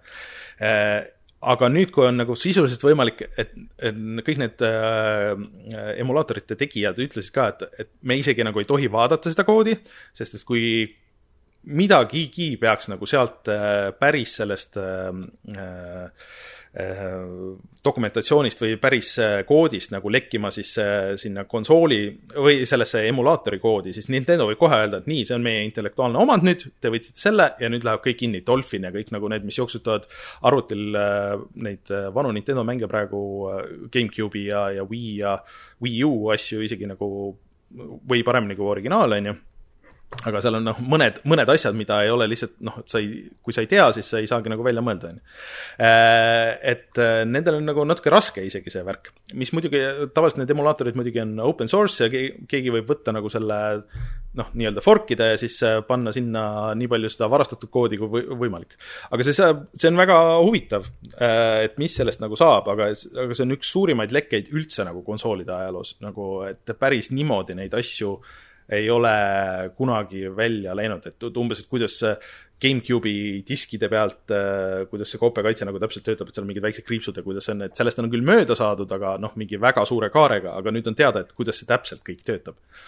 et äh, siiamaani tüübid on pidanud äh, nendelt džippidelt äh, võtma katte pealt maha, tegema äh, mikroskoobiga pilti ja siis äh, nagu joonistama uuesti need äh, struktuurid välja, et kuidas need äh, kiibid töötavad, aga nüüd on see dokumentatsioon on lihtsalt olemas et äh, soovitan lugeda ja vaadata videot, see Modern Vintage Gaming tegi väga põhjaliku analüüsi sellest, et mida see kõik tähendab. Äh, see on vähemalt väga huvitav. okei okay., aga kas äh, väga huvitav on ka Mortal Combat üheteistkümne lisa, mis saabub kahekümne kuuendal mail? Ehm, just alles äh, mängisin natuke oma selle Fight Stickiga ja mõtlesin Mortal Combati peale, et ma pole ammu mänginud. ja siis kuulutatigi välja, äh, et lisapakk, mis äh, toob siis story, toob kolm uut tegelast, kellest üks on Robocop. Konkreetselt nagu see originaal esimese Robocopi filmi Peter, Peter, mis ta oli näitleja nimi? Peter Weller, Peter Welleri näoga siis Robocop. Ja siis Äh, see üks äh, sealt, see nelja käega naisterahvas sealt Mortal Combat kolmest, äh, kellena mul meeldis mängida, ta oli vist üheksas ka äh,. Äh, ei näe kiirelt seda, kui ma otsin seda nime äh,, aga. Hiina. just, just et äh, see on küll tasuline, aga kõigile nendele, kes ei taha seda osta, siis tegelikult on ka päris suur tasuta update, äh, kus on mitu uut seda stage'i ja, ja veel mingisuguseid muid igasuguseid äh, patch'e sinna tehnilisi, et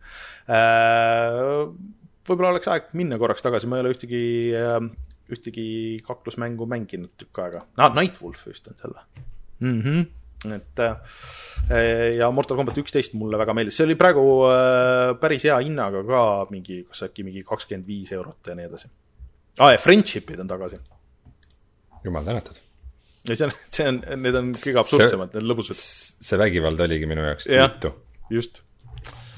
vaatan, kui palju see Mortal Combat üksteist praegu maksab äh, Steamis on ta hetkel ainult äh, kakskümmend neli eurot, kuuskümmend protsenti alla hinnatud, nii et kahe, kahekümne viie euro eest pluss siis see lisapakk, ma arvan, et see on äh, väga hea diil. ja järgmisel nädalal tuleb siis arvuti peale Halo kaks.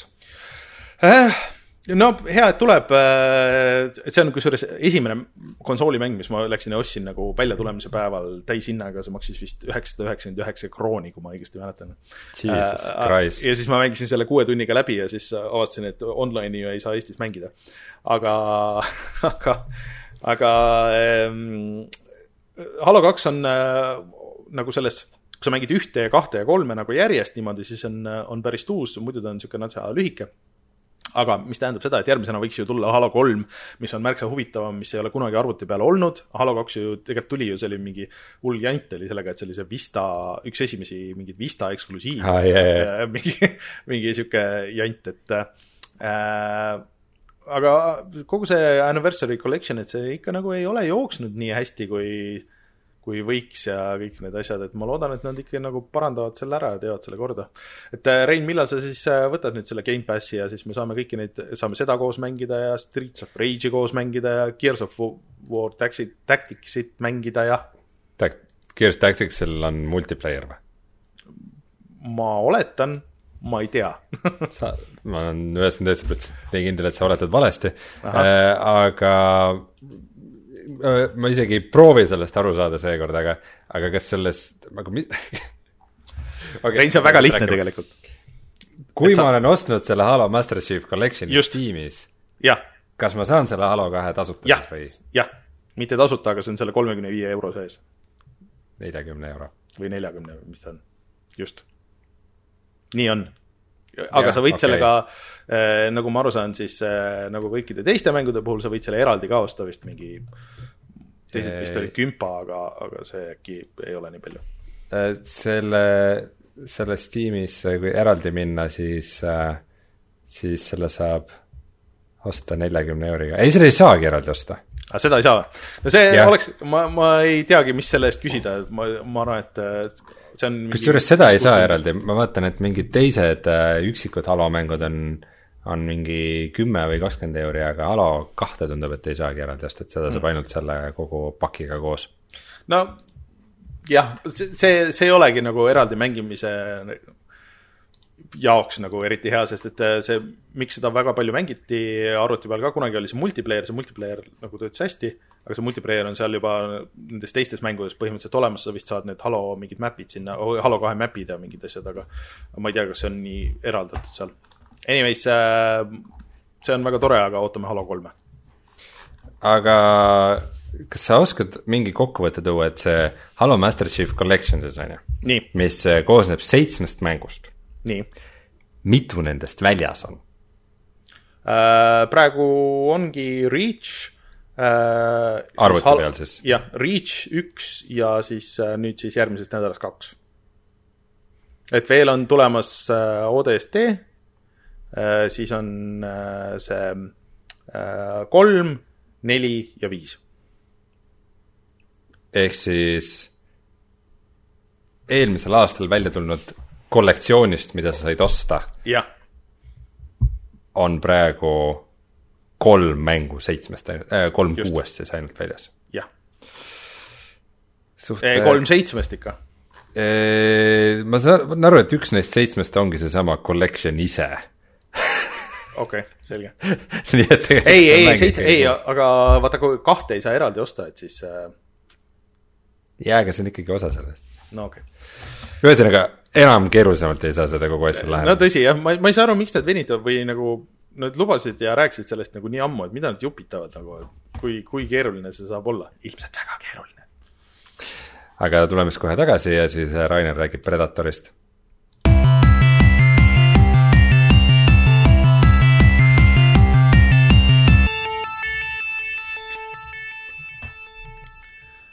jaa hmm,, Predator Hunting Grounds. no olgem ausad, et kui sa Eesti nende VHS-i asjadega ikka oled üles kasvanud, siis öeldakse ikka Predator. Predator, jah. jaa, Predator, Rainer mängis Predatorit mängisin Predatorit ja, ja ma ütlen siia taustaks, et ma alati olnud väga suur Predatori fänn, selle filmi siis mulle see esimene väga meeldis, see oli mul VHS-is või VHS-il ja, ja ma olen seda vaadanud kümneid, kui mitte sadu kordi.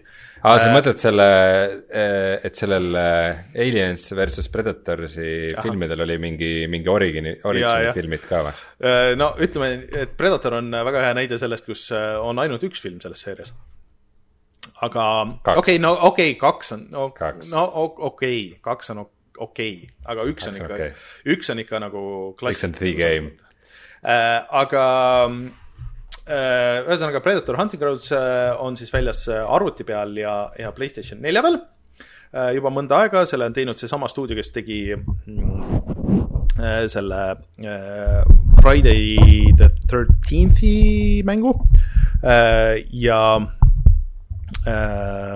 see on ainult mitmikmäng ja see maksab äh, nelikümmend eurot. ainult PlayStationi peal? Äh, ainult PlayStationi arvuti peale. arvuti ka või? arvuti peal on ka. selle, kui ma õigesti aru saan, siis Sony on osaliselt vähemalt, ma ei tea, kas toetanud seda väljaandmist või välja andnud või ühesõnaga Sony, Sony käsi on seal mängus äh,.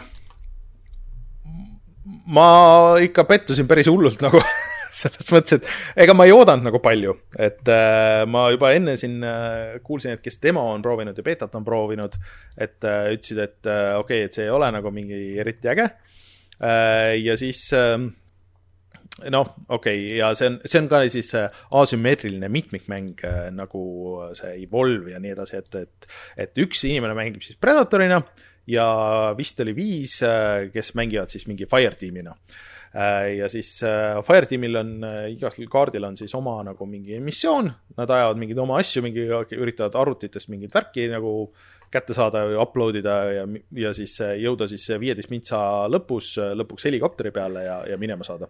ja siis Predatori ainuke missioon on kõik need inimesed ära kill ida. ja siis tegelikult on ka NPC-d on äh, kaardi peal, keda sa saad tappa ja kes Predatorina veel eriti nagu teevad sul natuke elu keerulisemaks, et sa ei pruugi täpselt aru saada, et okei okay,, et kas see nüüd on mängija või see on, või see on äh, siis ai või mis iganes, on ju. et äh, kuhu sa aega raiskad äh,. Ma siis esimese, kohe siis menüüst, et sa saad valida, et kas, kas sa mängid Fireteamina äh,, mängid Predatorina äh, või siis äh, äh, noh, vahet ei ole, on ju, et kuhu, kuhu sa kiiremini saad. et äh, see on nagu mõnes mõttes tore, et minu meelest, kas Evolve'il ei olnud vähemalt alguses seda varianti üldse, et kõik oli vist random, et sa läksid nagu mängu ja siis keegi mängija nagu pandi sinna selleks äh, kolliks või sa võid vist, vist said mingit oma eelistust anda ikkagi, arvan. sa said vist eelistuse panna, et kumba sa nagu pigem tahaks olla, aga, aga aga minu meelest sa kunagi nagu või väga harva sattusid selle kollina mängima.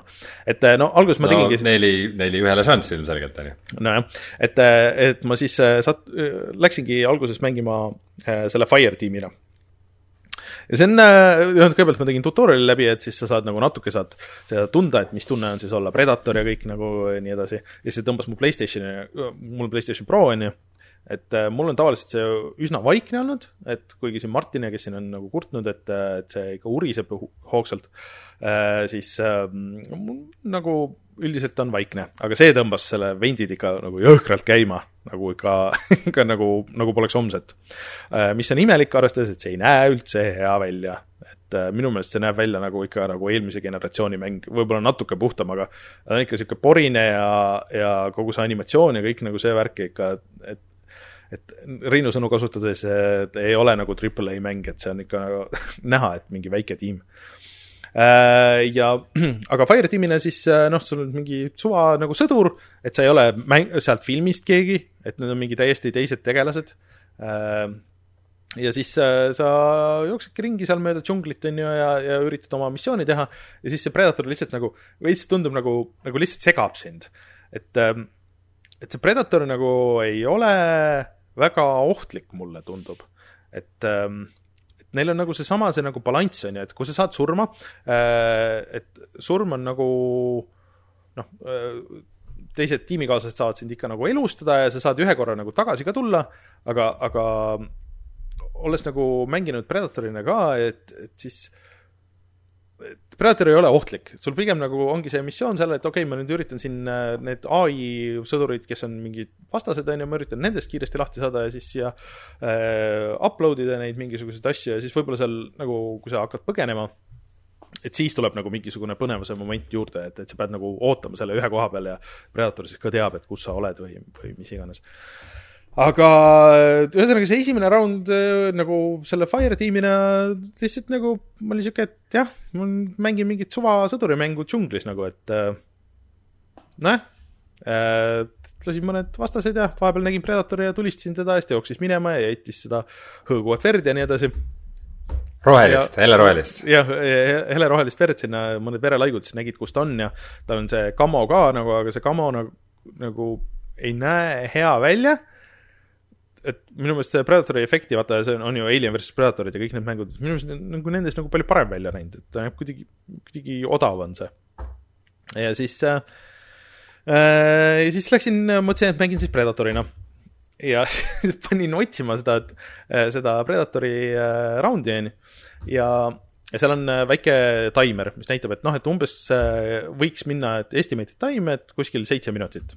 no okei okay,, no seitse minutit ja siis seitse minutit oli ära, ja siis kaheksa minutit oli ära ja kümme minutit oli ära ja siis mingi äh, üle viieteist minuti ma siis äh, ootasin seal, tiksusin seal äh,, mitte midagi teha nagu ei ole väga. et äh, sul lihtsalt on see taustapilt ja noh, mingid loadout'id nagu sul ka on, aga see palju on nagu kosmeetiline sellest, mida sa tahad äh,, mis sa seal saad. ja siis äh, siis mängisin Predatorina ja see Predatori kontroll on nagu, nagu veel ekstra imelik, et äh, sa mängid third person'is, on ju, aga, aga see kontroll on nagu, nagu hästi float'i eriti Predatorina, et sa võid nagu hüpata puude otsa ja siis, kui sa puu, puude otsas oled äh,, siis sul on niisugune äh, parkuuri mode, et sa näed äh,, kuidas äh, need niisugused punased teed nagu hõljuvad, et kuhu sa saad nagu joosta ja kuhu sa ei saa joosta ja siis sa äh, vajutad X-i ja siis sa hüppad nagu ühe puu pealt teisele ja niimoodi ähm,.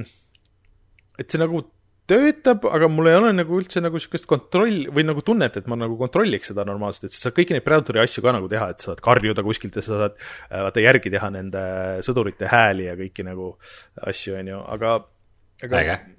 see on, see on nagu, kõik see on, teoorias on äge, kui vaatad seda kõike äh, seal listis, on ju, siis kõik tundub nagu tuus, aga praktikas millegipärast see kõik tundub nagu nii suvaline või ma ei tea, et kui sa lõpuks nagu leiad äh, selle, äh, need mm, inimesed nagu ülesse, okei okay,, et siis sul ongi, et kuidas ma nüüd ründan, et, et tal on mingisugune vibu, mille sa saad mingi hetk, äh, minu meelest seda kohe alguses ei olegi, see on sul loadout'is, et default'is on sul see kolm täppi, see laser.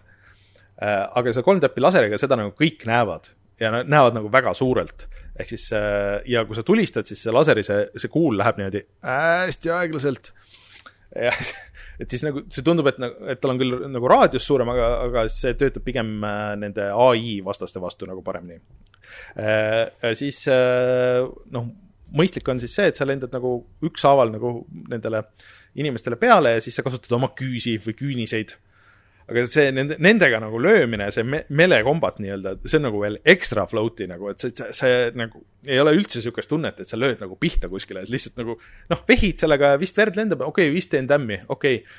ja sa pead väga-väga palju tämmi tegema nii selle teisega kui ähm, selle tulistamisega kui nende löömistega, et, et need äh, päris inimesed siis ära sureks, et sa pead nagu ikka nagu ikka tükk aega nagu lahmima seal. et, et ei ole seda Predatori nagu seda jõutunnet ja ei ole seda ohutunnet minu meelest nagu, et sihuke, et okei okay,, ma sain ta kätte, et nüüd on nagu jama majas et äh, mulle tundub, et siin töötaks nagu paremini, et kas kaks varianti, et kas siin peaks olema mingisugune, et, et, et ongi nagu kaks tiimi inimesi, kes võitlevad omavahel ja siis on Predator, kes üritab neid kõrvaldada või noh, nagu kuidagi niimoodi.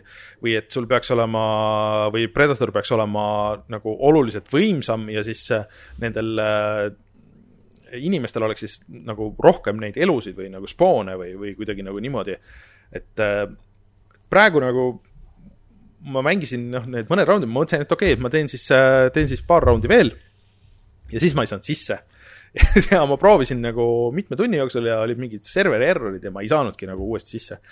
et äh, millest mul ei olnud väga kahju, sest et ma lihtsalt nagu sundisin ennast mängima, et, et noh, et tahaks nagu täpsemalt rääkida ja kõik niimoodi, aga et see mäng ei noh, peamiselt see kontroll ja tulistamine ei meeldinud mulle ja mulle tundus, et see kõik on halb. aga lihtsalt, et kui see mäng tuli just välja ja sa pead viisteist minutit ootama, et saada ühte raundi.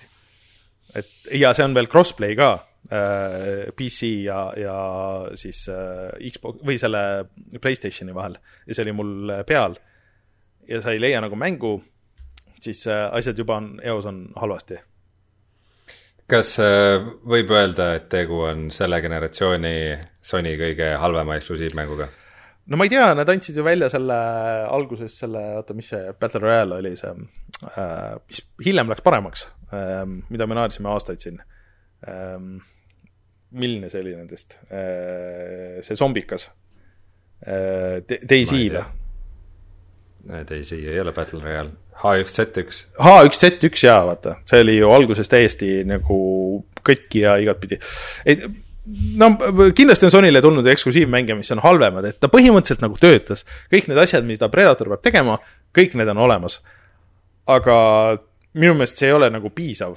et see ei olnud nagu äge et need asjad on olemas, aga need ei ole ägedad ja see, et Predator oleks nagu äge, noh, mulle tundub, et seal ei pea nagu väga palju nagu olema, et vaata seal, kas see oli Crysis kolmes vist, oli niisugune mängulaad, kus üks tüüp äh, jahtis teisi või teised jahtisid nagu seda ühte tüüpi, kes oli nagu natuke võimsam, aga sai ennast nähtamatuks muuta et meil on sealt... isegi video sellest meie Youtube'i kanalil. jah, et see ju töötas nagu väga hästi, et mulle tundub, et kui sa nagu keskenduks sellele, et see ei, ei oleks nagu nii raske teha, Äh, aga ja see kaart, ma ei saanudki nagu aru, et kui mitu neid kaarte on või see on üks, üks kaart. kas Predator Hunting Grounds läheb värskesse kulda või ei? ei, kohe kindlasti ei lähe. et äh, mina ei julge seda soovitada, et ma tahan enne järgmist saadet teha, anda ühe võimaluse veel ja teha mingi paar raundi, aga, aga mitte midagi seal praegu ei tõmmanud mind no ütleme nii, et see, mis sa rääkisid, ei tulnud nüüd erilise üllatusena, need treilerid juba ja kõik mm -hmm. tundus väga halb selle projekti juures mm, -hmm. aga ma võin sulle rääkida ühest veel halvemast mängust anna minna äh,. siin olles äh, Eesti mänguarenduse lainel, siis ma vaatasin veidi rohkem ka äh, ühte Balti mänguarendajate kommuuni. Ja seal promoti ühte VR-mängu siis arendaja ise promos. Ja selle nimi, ma ei tea, kas see arendaja siis on Lätist või Leedust või äkki mm -hmm. on Eesti venelane, ma ei, ei, ei teadnud teda, aga pigem tundub mulle, et, et mitte Eestist. aga tegu on siis sellise äh, VR kogemusega, mille nimi on A Walk in the Woods hmm.. Äh, ja mis see mäng on, on siis põhimõtteliselt see, et sa saad lihtsalt toredas rahulikus metsas kõndida. mis noh, on ju okei okay,, niisugune mm -hmm. ilus VR elamus, maksab euro viiskümmend ainult mm. -hmm Äh, ja mõtlesin, et vaataks, et äh, nagu ilusaid, ilus VR-keskkond lihtsalt, kus viibida, et ähm, noh, üldiselt ma igasuguseid walking simulator tüüpi mänge pigem põlgan, aga ma näen, kuidas äh, VR-is selline atmosfäär ja asi nagu võiks paremini töötada mm. -hmm. ja proovisin siis oma Valve Indexi peal seda euro viiekümnest mängu ja pidin üllatuma. nii sest äh, nii hal-, nii halva graafikaga, nii halvasti jooksvat mängu kui A Walk in the Woods äh, või on The Walk in the Woods, ma kunagi ei jäta meelde, kas mängud on mitmes. A Walk in the Woods äh, VR leian mina, kui ma otsin. okei okay., see on Woods ikkagi. et nii halvasti jooksvat ja nii halvasti välja nägevat mängu ma pole küll kunagi elus varem näinud. Ähm, põhimõtteliselt on tegu asset flip'iga. Äh, kõik need asset'id on äh, siis maha ripitud Unity Book of the Dead'i demost, mille Unity tegi kättesaadavaks. siis keegi, keegi geenius on need pannud VR-i ja otsustanud seda väikse raha eest müüa, aga paraku on ta nii ebapädev, et see jookseb, no see kaadrisagedus oli ikka ebareaalselt no madal. kes, kes vaatavad meie videoversiooni, siis ma praegu panin ekraanile äh, ühe video, kus on kogu aeg jookseb FPS ka all ja siis ma näen kakskümmend kuus, kakskümmend viis, kakskümmend kuus kaadrit sekundis. et kes ei tea, siis VR-i tehnilistest sisearvestustest tulenevalt äh, VR-is on absoluutne miinimum äh, siis üheksakümmend, PC peal üheksakümmend kaadrit sekundis hmm.. et kui miski jookseb kakskümmend kuus kaadrit sekundis, siis see ajab sul äh, kohe südame pahaks ja seejuures see suutis veel väga-väga halb välja näha. Minu arust ei näe, ma, ma ei, ma ei tea, ma vaatan siin suure seal ekraani peal niimoodi võib olla okei okay,, aga VR-is äh, kõik oli lopergune, katki nagu valesti imporditud äh,. Need pidevalt olid mingid äh, pop-in'id nagu see mängusisene render äh, resolution mm -hmm. oli väga madal äh,. Kaubert chatis ütleb, et Läti firma on selle mm -hmm. välja andnud ja ma pole veel kõige hullema asja juurde jõudnudki äh, teatavasti kogu nagu PC VR-i point äh, on see, et sul on eks väli, välised sensorid, et kas siis sul on mingisugused majakad või sensorid või inside-out tracker'id. ehk siis, et kui sa liigud nagu külje peale või teed sammu või kükitad või midagi, siis su kaamera positsioon muutub mm. -hmm. mis peaks olema Unitis peaaegu võimatu teha, aga see arendaja on kuidagi suutnud, on see, et see on siis nii-öelda kolmeteljeline mäng ehk siis kõik, mis sa saad teha, on see, et sa saad eri suundades vaadata. okei et, kui sa natukene liigutad oma pead näiteks külje peale või ettepoole, siis kogu maailm tuleb sinuga kaasa, mis ajab südame väga pahaks. ma juba selle peale mõtlemine ajab südame pahaks. no mis noh, kolmsada kuuskümmend kraadi videode puhul see paraku niimoodi toimib, sest et noh, kaamera on alati ühes positsioonis on ju, et kui mm -hmm. sa vaatad, kui sa vaatad mingi mobiilse headset'iga kolmsada kuuskümmend kraadi videot, siis, siis noh, parem ongi nagu olla paigal ja lihtsalt liigutada oma peaga, vaadata eri suundades ringi. aga Unitis tehtud 3D mängu puhul, see on nagu täiesti, täiesti mitte aktsepteeritav ja ma rääkisin sõbrast arendajaga seda, ta ütles, et seda seda seda peaks olema võimatu teha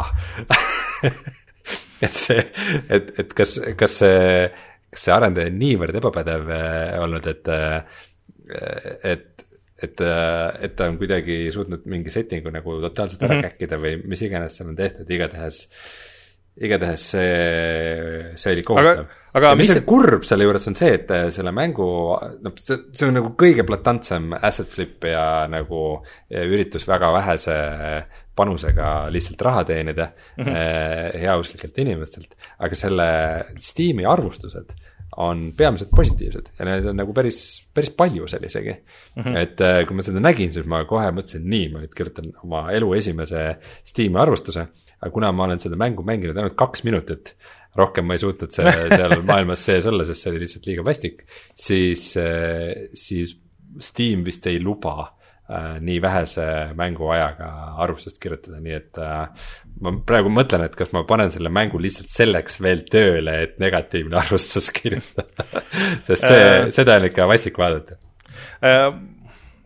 no see asset flip, asset flip'iks, aga, aga et äh, ma ei saa aru, kuidas nad selle tehniliselt siis jah, nii kotki on teinud, aga mis see seal üldse nagu, et okei okay,, et see on nagu jalutuskäik küll, aga kas, sa jääd kangi all ja sa liigud.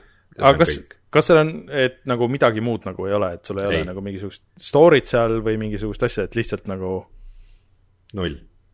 mitte, mitte midagi muud ei ole, kui et äh, siin on tee ja kõnni mööda seda. kõik. okei. Rein, mul on väga, mul on väga kahju, et sa pidid seda et- tegema. inimesed vaatavad, et no et äh, ma ei tea, et äh, mis seal ikka, et nagu euro viiskümmend ju tore mm. -hmm. elamus ja vahva, et äh, miks mitte. pigem mitte. aga, aga isegi, isegi euro viiekümnese mänguga võib Kas- jõhkralt petta saada. kas meil peaks olema ka värske muld eh, kategooria, kuhu me paneks need kaks mängu selle nädala, mida me kohe kindlasti ei soovita? tahaks öelda, et see on värske, jätame roppused välja seekord saateks. aga see oli väga halb okay.. sellega võrreldes, sellest tagasi minna siis Eesti VR mängu Into the Radius oli selles mõttes puhas äh, õnnistus. et ma räägin natuke veel, meil siis täna läheb video laivi ka Into the Radiusest, mis on siis Creative Mobile'i äh, välja antud äh, VR-mäng, mis praegu on äh, Steamis äh, Early Access'is, mängitav on see siis ainult äh, PC, PC peaseadmetega ja tegu on siis äh, lihtsalt seletades äh, Stalkeri laadse mänguga, mis on VR-is. kus sa, kus sa saad äh, missioone ja käid siukses äh, rusutud, rusuvasse hüljatud äh, maa-alal ringi, navigeerud seal kaardiga, väldid anomaaliaid, tapad kolle ja kogud artefakte ja saad siis, teed siis paremat varustust ja nii edasi mm. -hmm. Ja ma olen seda nüüd natuke rohkem mänginud ja ma olen avastanud, et see mäng on rohkem, kui esmapilgul tundub, et mulle mulle üldjoontes Into the Radius ikkagi nagu päris meeldib, et ma olen seda nüüd päris mitu õhtut mänginud ähm,. mida ei ole päris ammu minu, minuga juhtunud, on see, et äh, ma restart isin selle mängu. ehk siis ma olin seda ju mitu õhtut mänginud ja see on see, et kui sa saad surmas, sa jääd oma stuff'ist ilma, siis sa lähed ja üritad oma stuff'i tagasi saada Äh, ja kui ma olin mitu korda niimoodi sur-, surma saanud, sest ma ei saanud nendest kollidest äh, jagu või sattusin jälle mingisuguse uue anomaalia otsa, mida ma ei olnud varem kohanud. või lihtsalt ma ei saanud vist väga hästi alguses aru ka, et, et ma pean oma äh, laiba käest oma stuff'i tagasi saama, siis äh, ühel hetkel ma avastasin, et minu raha seal mängus, mida, raha on vaja selleks, et äh, osta laskemoona. Ja ka salvesid, kusjuures see on, sa ostad relva, sa ostad laskemoona, siis pead eraldi ostma veel salvesid, kuhu sisse sa selle laskemoona paned, et seda relva sisse panna. ja ühel hetkel mul ei olnud enam äh,, mul oli veidi laskemoona ja relva, aga mul ei olnud salve. Ja, ja minu pangaarve oli negatiivne, sest et, äh, sest et seal see baas, kus sa paikned Äh, sel, sa maksa-, pead maksma selle üüri. et mingi aja peale läheb jälle mingi summa sinu arvelt maha ja kui ma olin seal mitu päeva jännanud, et oma stuff'i tagasi saada. ja mul ei olnud isegi magamiskotti, et, et kuskil seal väljaspool baasi pikali visata siis ja mul ei olnud nagu mingit relva ja ma sain aru, et mul pole mitte mingit šanssi nagu oma stuff'i sealt tagasi saada sa mõtlesid, et kurat, ma olen umbes ühe missiooni mängus ära teinud. mul on lihtsam lihtsalt, et ma hakkan kogu mängu algusest peale ja ma restart isin kogu mängu. ja nüüd, nüüd mul läheb natukene paremini. okei okay.. aga, aga see mäng on raske, ta on ikkagi mm, -hmm. ta on ikkagi mõeldud nii, et äh, ega seal, ega seal väga lihtne ellu jääda ei ole, et äh, mis, mis äh, Steamis ma lugesin, et inimesed äh, selle peale on nagu küsinud, et äh, kas ei oleks võimalik seda sõbraga mängida. sest raske mäng muutub sõbraga koos kohe ju palju lihtsamaks mm, -hmm. et mhm. mitte lihtsalt, et kaks pead on ikka kaks pead ja kaks püstolit on ikka kaks püstolit mm. -hmm. või siis noh, neli, kui sul on püstolid mõlemas käes. et siis, siis lihtsalt noh, probleemidele on parem läheneda mitmekesi koos, aga, aga praegu Into the Radiusel ma saan aru, et sellist, sellist plaani arenduses ei ole Mm -hmm. et arvestades ka, et mida Vladimir meile enne ütles, et äh, mäng ei ole väga no. edukas olnud, siis äh, ilmselt nad sinna aga samas see ei ole ka veel väljas, et, et ma pean ütlema ka, et äh, ma ei tea, kas see videos tuli välja või mitte, et ma ikka nagu üllatusin selles, et, et sellel nii palju nagu sisu on, et ma ka kujutasin ette nagu Martingi, kes on nüüd täiesti ära kukkunud, siis kuskil on meil seal, aga, aga et, ähm, et et ma arvan, et see on niisugune lihtne, niisugune väike experience ja, ja sa kuskil käid ja võib-olla sul on mingi paar niisugust encounter'it või midagi niisugust, et aga, aga see on ikka nagu päris mäng, et äh, see on ilmselt äh, võiks toimida võib-olla isegi paremini ka ilma VR-ita, on ju, aga, aga aga see on huvitav, et nad selle valmis tegid, et mul on hea meel, et see olemas on nagu põhimõtteliselt, et äh, et äkki see on ikkagi mingi kasvulava millegile, millegile muule, et iseasi, kas see peab just VR olema jah, võimalik, et nagu selle tiimi ambitsiooni kohta nad, nad noh, hammustasid ikkagi veidi liiga suure tüki, et mm seal noh, mis kõige, mis peaks olema just kõige ägedam osa VR-is, see, kuidas sa oma varustust seal haldad ja kuidas sa oma keha peale paigutad salvi ja, ja kõike, kõige sellega nagu realistlikult äh, tegeled. see on tegelikult nagu ikkagi kõige tüütum osa mängust, sest sa enamus aega võitled selle kasutajaliidesega, et äh, peale mingit võitlust ma olin kuidagi, tulen ikka salvede teema juurde tagasi, et ma ühe võitluse käigus suutsin kaotada kolm salve mm.. et noh, et kui kollid tulevad, siis ma võib-olla, okei okay,, ma ei hakka vöö peale tagasi toppima selle tühja salve, vaid pillen selle maha. ja need klippisid kuidagi läbi maa ja ma ei leidnud neid ülesse ja, ja noh, ongi, et kuidagi see, sa pead liiga palju keskenduma ja fokusseeruma sellele, et, et mängu ära petta, et mingeid asju teha. võib-olla asi on selles, et ma mängin seda siis Valve Indexiga ja nende Knucklesi pultidega, et äh, võimalik, et see mäng nagu ei ole päris selle jaoks äh, loodud või nad ei ole nagu sellele -hmm. ka eraldi äh, nagu eraldi tuge teinud, aga lihtsalt nagu seda džänki on natuke selles osas liiga Mm. palju. okei okay. Aga enne, enne kui ma räägin veel Streets of Rage'ist natuke, siis äh, ma tegelikult Eesti mängude võtmes ma ju mängisin äh, ka Eesti mängu vahepeal. et, äh, et ma otsisingi üles siis äh, Skyrose'i ja Skyroads äh, Christmas Rose'i või mis iganes see jõuluversioon on, mis on põhimõtteliselt nagu järg Skyrose'ile, et see on üks esimesi mänge või no esimene niisugune päriselt välja antud mäng Eestis siis. mis aastal? et äh, aga ma mäletan kunagi vanast ajast, et äh, isegi kui ma ei teadnud, et see, mul oli see olemas, ma ei teadnud, et see on Eesti mäng või midagi niisugust. ma vist kogemata kunagi vaatasin creditseid ja mõtlesin, mis mõttes Eesti nimed siin on äh,. aga mis aasta mäng see on? mis aasta või? see oli vist üheksakümmend kolm, ma võin sulle kohe öelda, mul on see launchbox on siinsamas äh, lahti. mina olen oma elus äh, väga, ma lihtsalt kiiresti torkan oma mälestused sellega mm -hmm. vahele, kuni sa otsid, et äh, mina olen seda umbes korra elus proovinud mm, -hmm. see oli väga ammu, ma olin siis ikkagi, ma olin siis ikkagi väike poiss mm -hmm. ja, ja ma arvan, et see on mul ainus kord elus, kui ma olen kokku puutunud nende soft floppy diskidega et see mäng oli soft floppy diski peal, et nagu pärast ise töö juures muidu nende nagu hard floppy diskidega ma käisin küll, aga, aga kes siis noorem generatsioon ei tea, et kunagi arvutites käisid niisugused väiksed disketid. seivimise ikoonid. nagu need seivi ikoonid, just. Aga enne seda oli siis niisugune suurem versioon, mis ei olnud nagu kõva plastiku sees, vaid see oli niisugune pehme, painduv, sihuke. et, et, et jah, ainus mäng, mida ma olen näinud, mis on pehme floppy diski peal üheksakümmend kolm oli see jah, et äh, aga muidu nagu ma sain selle jooksma ilusti ja kõik, aga mulle tundub, et see jookseb isegi nagu liiga hästi, sest et äh, liiga kiiresti või? see vist, ta on küll nagu käpiga, et ta ei lähe nagu mingi noh, see äh, frame rate counter äh, siis Geforce'i oma, see läheb nagu täiesti sega, näitab mingisuguseid absurdseid numbreid, on ju. ja siis äh, äh, et mulle kuidagi tundub, et ta registreerib nagu liiga hästi neid klahvi vajutusi äh,. Ma ei tea, kui see make ib sense'i, et ta nagu äh,, et sa vajutad ja siis kohe nagu läheb, et ta on nagu liiga tundlik nagu klahvi vajutuste suhtes. võib-olla selline mängu nagu originaal äh, disainis ka niimoodi ja võib-olla mitte. igatahes see teeb mängimisega päris, päris keeruliseks, eriti arvestades, et sul on kolmsada kakskümmend korda kakssada pikslit äh,. et äh, see mäng, mängitavus on siis sihuke äh,, et äh, sul on äh, nii-öelda äh, tee on ees ja siis äh, sina oled niisugune kosmoselaev äh, ja kes siis, mis siis hüppab nagu seal tee peal ühelt ruudult teisele, et äh, osad ruudud teevad sulle haiget äh,, osad äh, ruudud äh, laevad sul näiteks äh, selle äh, kütuse täis ja niimoodi, et, et sa pead nagu seda, seda ka veel jälgima äh,. ja äh, see kõik on nagu tore, aga äh, mulle tundub, et see on niisugune old school äh, level disain, mis äh, selle mängitavuse nagu eriti raskeks teeb praegu.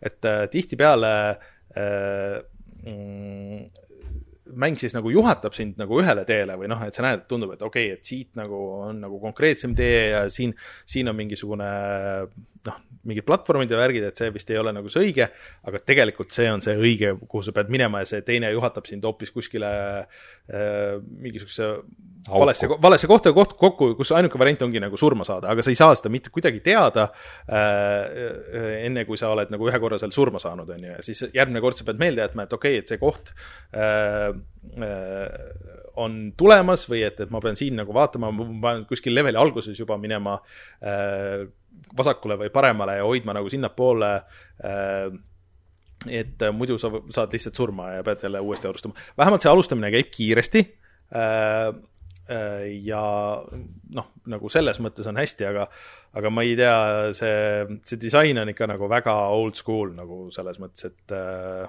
mitte eriti mitte eriti heas mõttes võib-olla. aga ma natuke proovisin seda mängida, ma tahaks selle video ikkagi teha sellest, sest et no see on ikkagi nagu oluline selles selles Eesti mänguarenduse loos ja niimoodi lõpuks. aga kas ta, kas ta eraldi võetuna on ka sinu meelest hea mäng? ma arvan, et ta omas ajas kindlasti oli nagu, et äh, esiteks ta on nagu sihuke pseudo 3D, mis sellel ajal ei olnud väga lihtne teha ja need taustad, et see taustad on küll staatilised, aga nagu joonistatud ja need on päris ägedad, et tal on nagu oma sihuke stiil äh, mida väga paljude selle aja mängude kohta ei võinud nagu öelda, et seal sa kogu aeg näed nagu oma UI-d, mis on niisugune ka nagu pseudo 3D renderdus ja nii edasi ja ja sa näed, et kui kaugel sa levelis oled ja noh, mingid niisugused asjad, mida üheksakümmend kolm aasta mängust no võib-olla nagu ei ootakski niimoodi, et, et see on kõik tuus, aga mulle tundub, et level disain ja siis äh, see, kuidas see kontroll nagu tehtud on, nagu natuke selle asja isegi nagu juba päris kohe alguses äh, keerulisemaks, äh, kui võiks arvata. aga neid leveleid on päris palju ja nii edasi.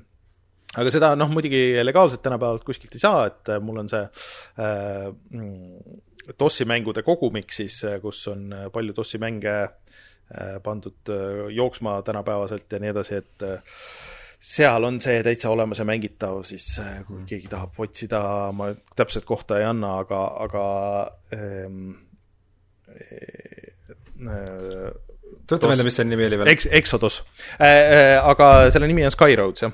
Skyroads, et siis, Skyroadsi see stilistika on ikkagi päris äge, ta on niisuguse oma niisuguse sci-fi vibe'iga ja siis äh, sellele on siis tänapäeval tehtud ka üks äh, homaaž mm, -hmm. mis on siis Eesti ainus mäng, mis on minu teada Nintendo Switchi peal, ehk siis Nirvana Pilot Jume.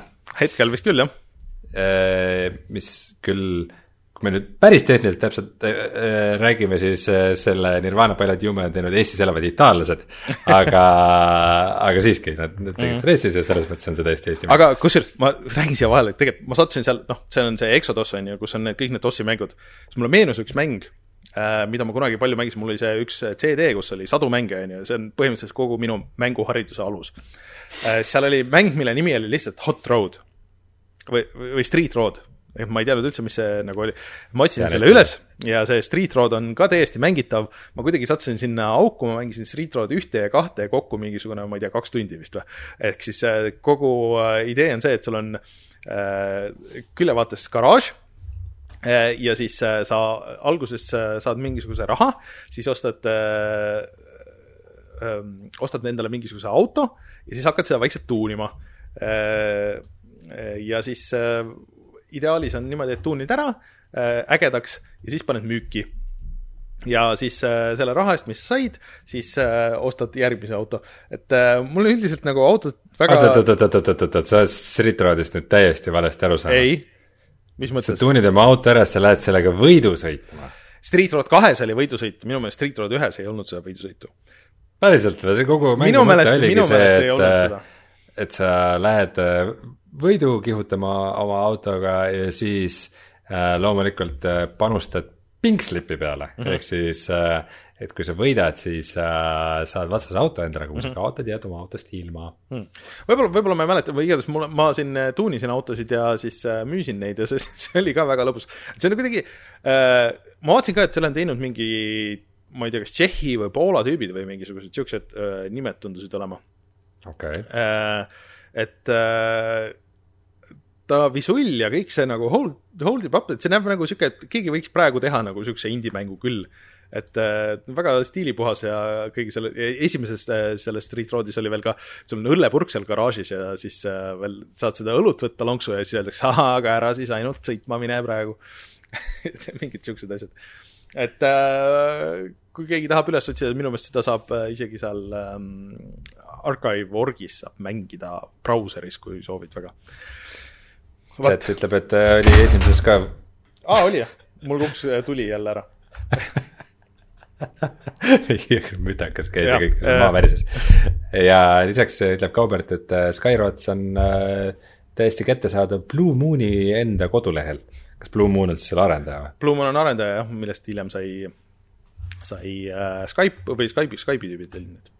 Okei okay., et seda ei pea piraatima, et saab täitsa mm. legaalselt ka äh, Blue Mooni kodulehe kaudu selle kätte mm. -hmm. Äh, vot siuksed asjad, aga äh, rääkides siis jah, vanadest mängudest äh, uues kuues rohkem, äh, siis äh, mängisin rohkem veel äh, Streets of Rage nelja.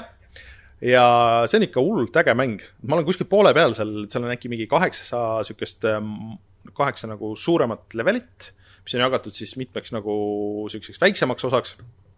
Ja siis iga selle nii-öelda leveli lõpus on mingi boss äh,. ja ma nüüd vaikselt hakkan nagu saama aru sellest, kuidas see kombosüsteem töötab ja kuidas see, proovisin kõik need, kes alguses on neli tegelast, kellena sa mängida saad, kõik on suhteliselt erinevad.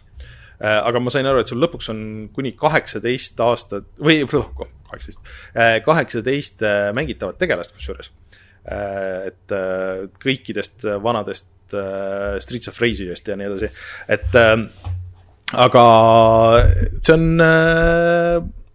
üllatavalt sügav oma selles võitlussüsteemis, et sa, et sul on, kuigi sul on ainult noh, kolm äh, nuppu pluss siis nagu niisugune ekstra attack või noh, mis kasutab äh, neid mingeid tähti, mida sa leiad maailmast äh,, tavaliselt on kaks tükki. äh,, aga et kuidas sa neid kombineerid, pluss edasi-tagasi vajutused, äh, et äh, see on nagu see äh, me, me oleme siin rääkinud tegelikult korduvalt, et miks ei tooda või mina olen rääkinud, et miks ei tooda tagasi neid külje pealt vaates äh, kaklusmänge, et kus sa lihtsalt lähed nagu vasakult paremale ja siis annad kõikidele molli ja nii edasi. et mulle tundub, et äh, nad on leidnud selle tänapäevase lahenduse sellele, sest need vanad olid ikkagi mõeldud nagu arkaadimängudeks ja nad olid rasked äh, lihtsalt sellepärast, et võtta sult neid ähm, münte ära, et neid ei olnud seda sügavust võib-olla nagu nii palju Äh, kuigi Streets of Rage oli rohkem nagu Sega Genesis'e mäng ja nii, aga aga ikkagi see, see mängitavus oli nagu rohkem niisugune arkaadilikum või, või nii. aga ma seda julgen tõesti soovitada, et eriti arvestades, et see on jah, ka Gamepassis nii arvutil kui äh, konsoolil ähm, ja äh, tegelikult väljas vist kõikide platvormide peale, ta maksis vist mitte kindlasti täismängu hinda, äkki mingi kakskümmend või kakskümmend viis eurot, et et äh, see on hullult äge, kui vähegi on, ja seda saab kahekesti ka mängida äh, nii ühe konsooli peal kui üle neti ja ma ei tea, kas crossplay'd saab ainult teha, et äh, et see on tuus ja ta näeb hullult äge välja, see joonistatud stiil ja see animatsioon, see kõik nagu töötab ja löögid on nagu tugevad. ja just see, kuidas see kombosüsteem nagu selles suhtes töötab, et äh, kui sa näiteks äh, võitled ekraani ääres, siis need vastased mitte ei lenda nagu sealt ekraanist välja, aga nad põrkavad tagasi, mis annavad sulle niisuguse juggle combo nagu võimaluse.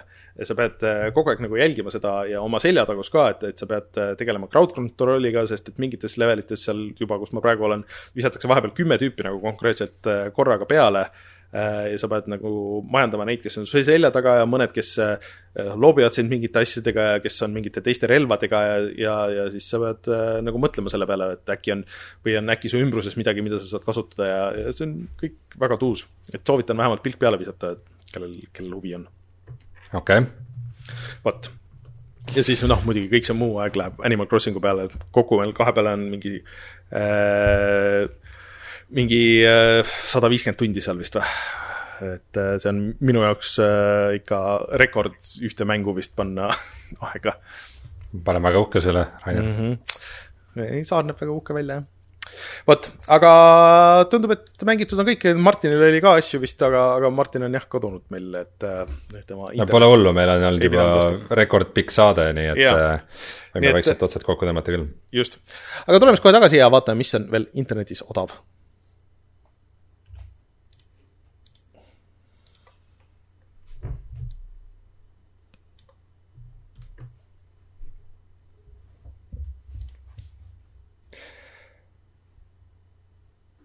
tead, Rainer, mis Eesti mängu saaks praegu odavalt või? no räägi.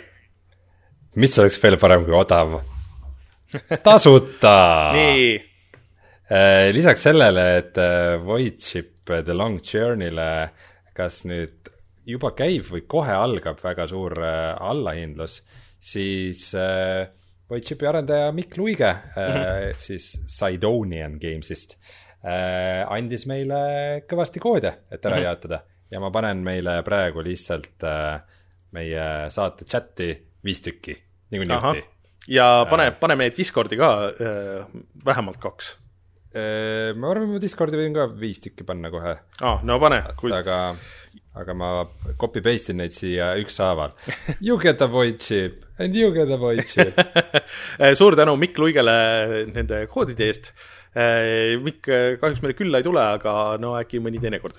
Äh, aga tegelikult ma tahtsin, noh, kui siin juba tasuta mängud Mikk on meil külas käinud ja. mõni aasta tagasi, kui ta tegi mängu nimega Unrest jah, et äh, kui tasuta mängud on õhus, siis äh, nüüd äh, räägime mõnest allahindlusest ka, et tavaliselt meil nagu nii väikseid allahindluseid ei kajasta, aga Doom Eternal on praegu igal pool alla hinnatud neljakümne viie euro peale. mis on väga hea hind nii värske mängu kohta ja ma arvan, et ma, ma võtan selle Xbox'i versiooni siis nüüd ära ja siis vähemalt on mul olemas ja mängimisvalmis, ma ei usu, et ta väga palju odavamaks lähiajal läheb. hea puldiga mängida mm,? no vast saab hakkama. jaa, Epiku, Epiku selle nädala tasuta mäng on Death Coming, millest ma ei tea mitte midagi, küll aga nädala pärast äh, on müstiline mäng, mida ei ole veel välja kuulutatudki mm,. nii et äh, nad kas, nad kas äh, see on midagi suurt või siis nad lihtsalt ei tea veel, mis see on mm,. see on okay. midagi suvalist. Davai aga siis äh, ma arvan, et kutsume saate saateks, äkki järgmine nädal, äh, kusjuures äh, Martinil heli oli seekord parem, et meil oli siin Martini heliga palju janti, et äh, ma pidin väga palju seda töötlema, et äh, see mm, kuuldavaks teha. ja siis Martini heli oli nagu parem, aga siis nüüd kadus see internet ära, eks ole, ja nüüd äh, ei teagi. nokk lahti, saba kinni. jah jah, et äh, loodetavasti järgmine nädal nagu saame ühendatud need kaks äh, ja siis äh, äh, on Martin olemas ja kõlab ka hästi äh,. aga Rein, sa saad panna nüüd äh, meie Into the Void'i äh,, Into the Radius, vabandust äh,, Into the Radius'e selle äh, video üles ja mm -hmm. siis äh... ma panen selle isegi nagu premeerina, et inimesed no, saavad pane, seda okay., seda koos äh, vaadata mm. -hmm. Ei saa samal ajal mitut asja siin teha äh, ja selles mõttes on tore, et see läheb nii paljudesse äh, playlist idesse, et see läheb ülevaadete alla, ta läheb Eesti mängude alla ja ta läheb veel VR-mängude alla. mõtle mm., kui palju playlist'e ühe mängu kohta. no super, meil on väga palju playlist'e meie Youtube'i kanalil, äh, nii et minge vaadake. aga meie Eesti mängude nädal läheb siis jah edasi, et ei tea veel täpselt, kes meil järgmine nädal külas on, variante on aga siis äh, hiljemalt äh, neljapäeval saate sellest teada. Äh, ja oi, rääkis allahindlustest veel, siis Humble'is on mingi kõva spring sale ja siin on igasuguseid asju, Jedi Fallen Order on kolmkümmend eurot praegu, aga äh, siis. ja Into the Radius läheb laivi nüüd. jah, nii et suur aitäh siis Vladimir Fundikovile Creative Mobile'ist minge vaadake siis äh, meie videot äh, Creative Mobile'i hetkel esimesest VR-mängust, hetkel ainukesest. ja mina olen Rainer, minuga Rein, kuskil taamal on Martin. me oleme tagasi juba järgmisel neljapäeval laivis ja järgmisel reedel teie podcast'i äpis. nii et tšau. tšau.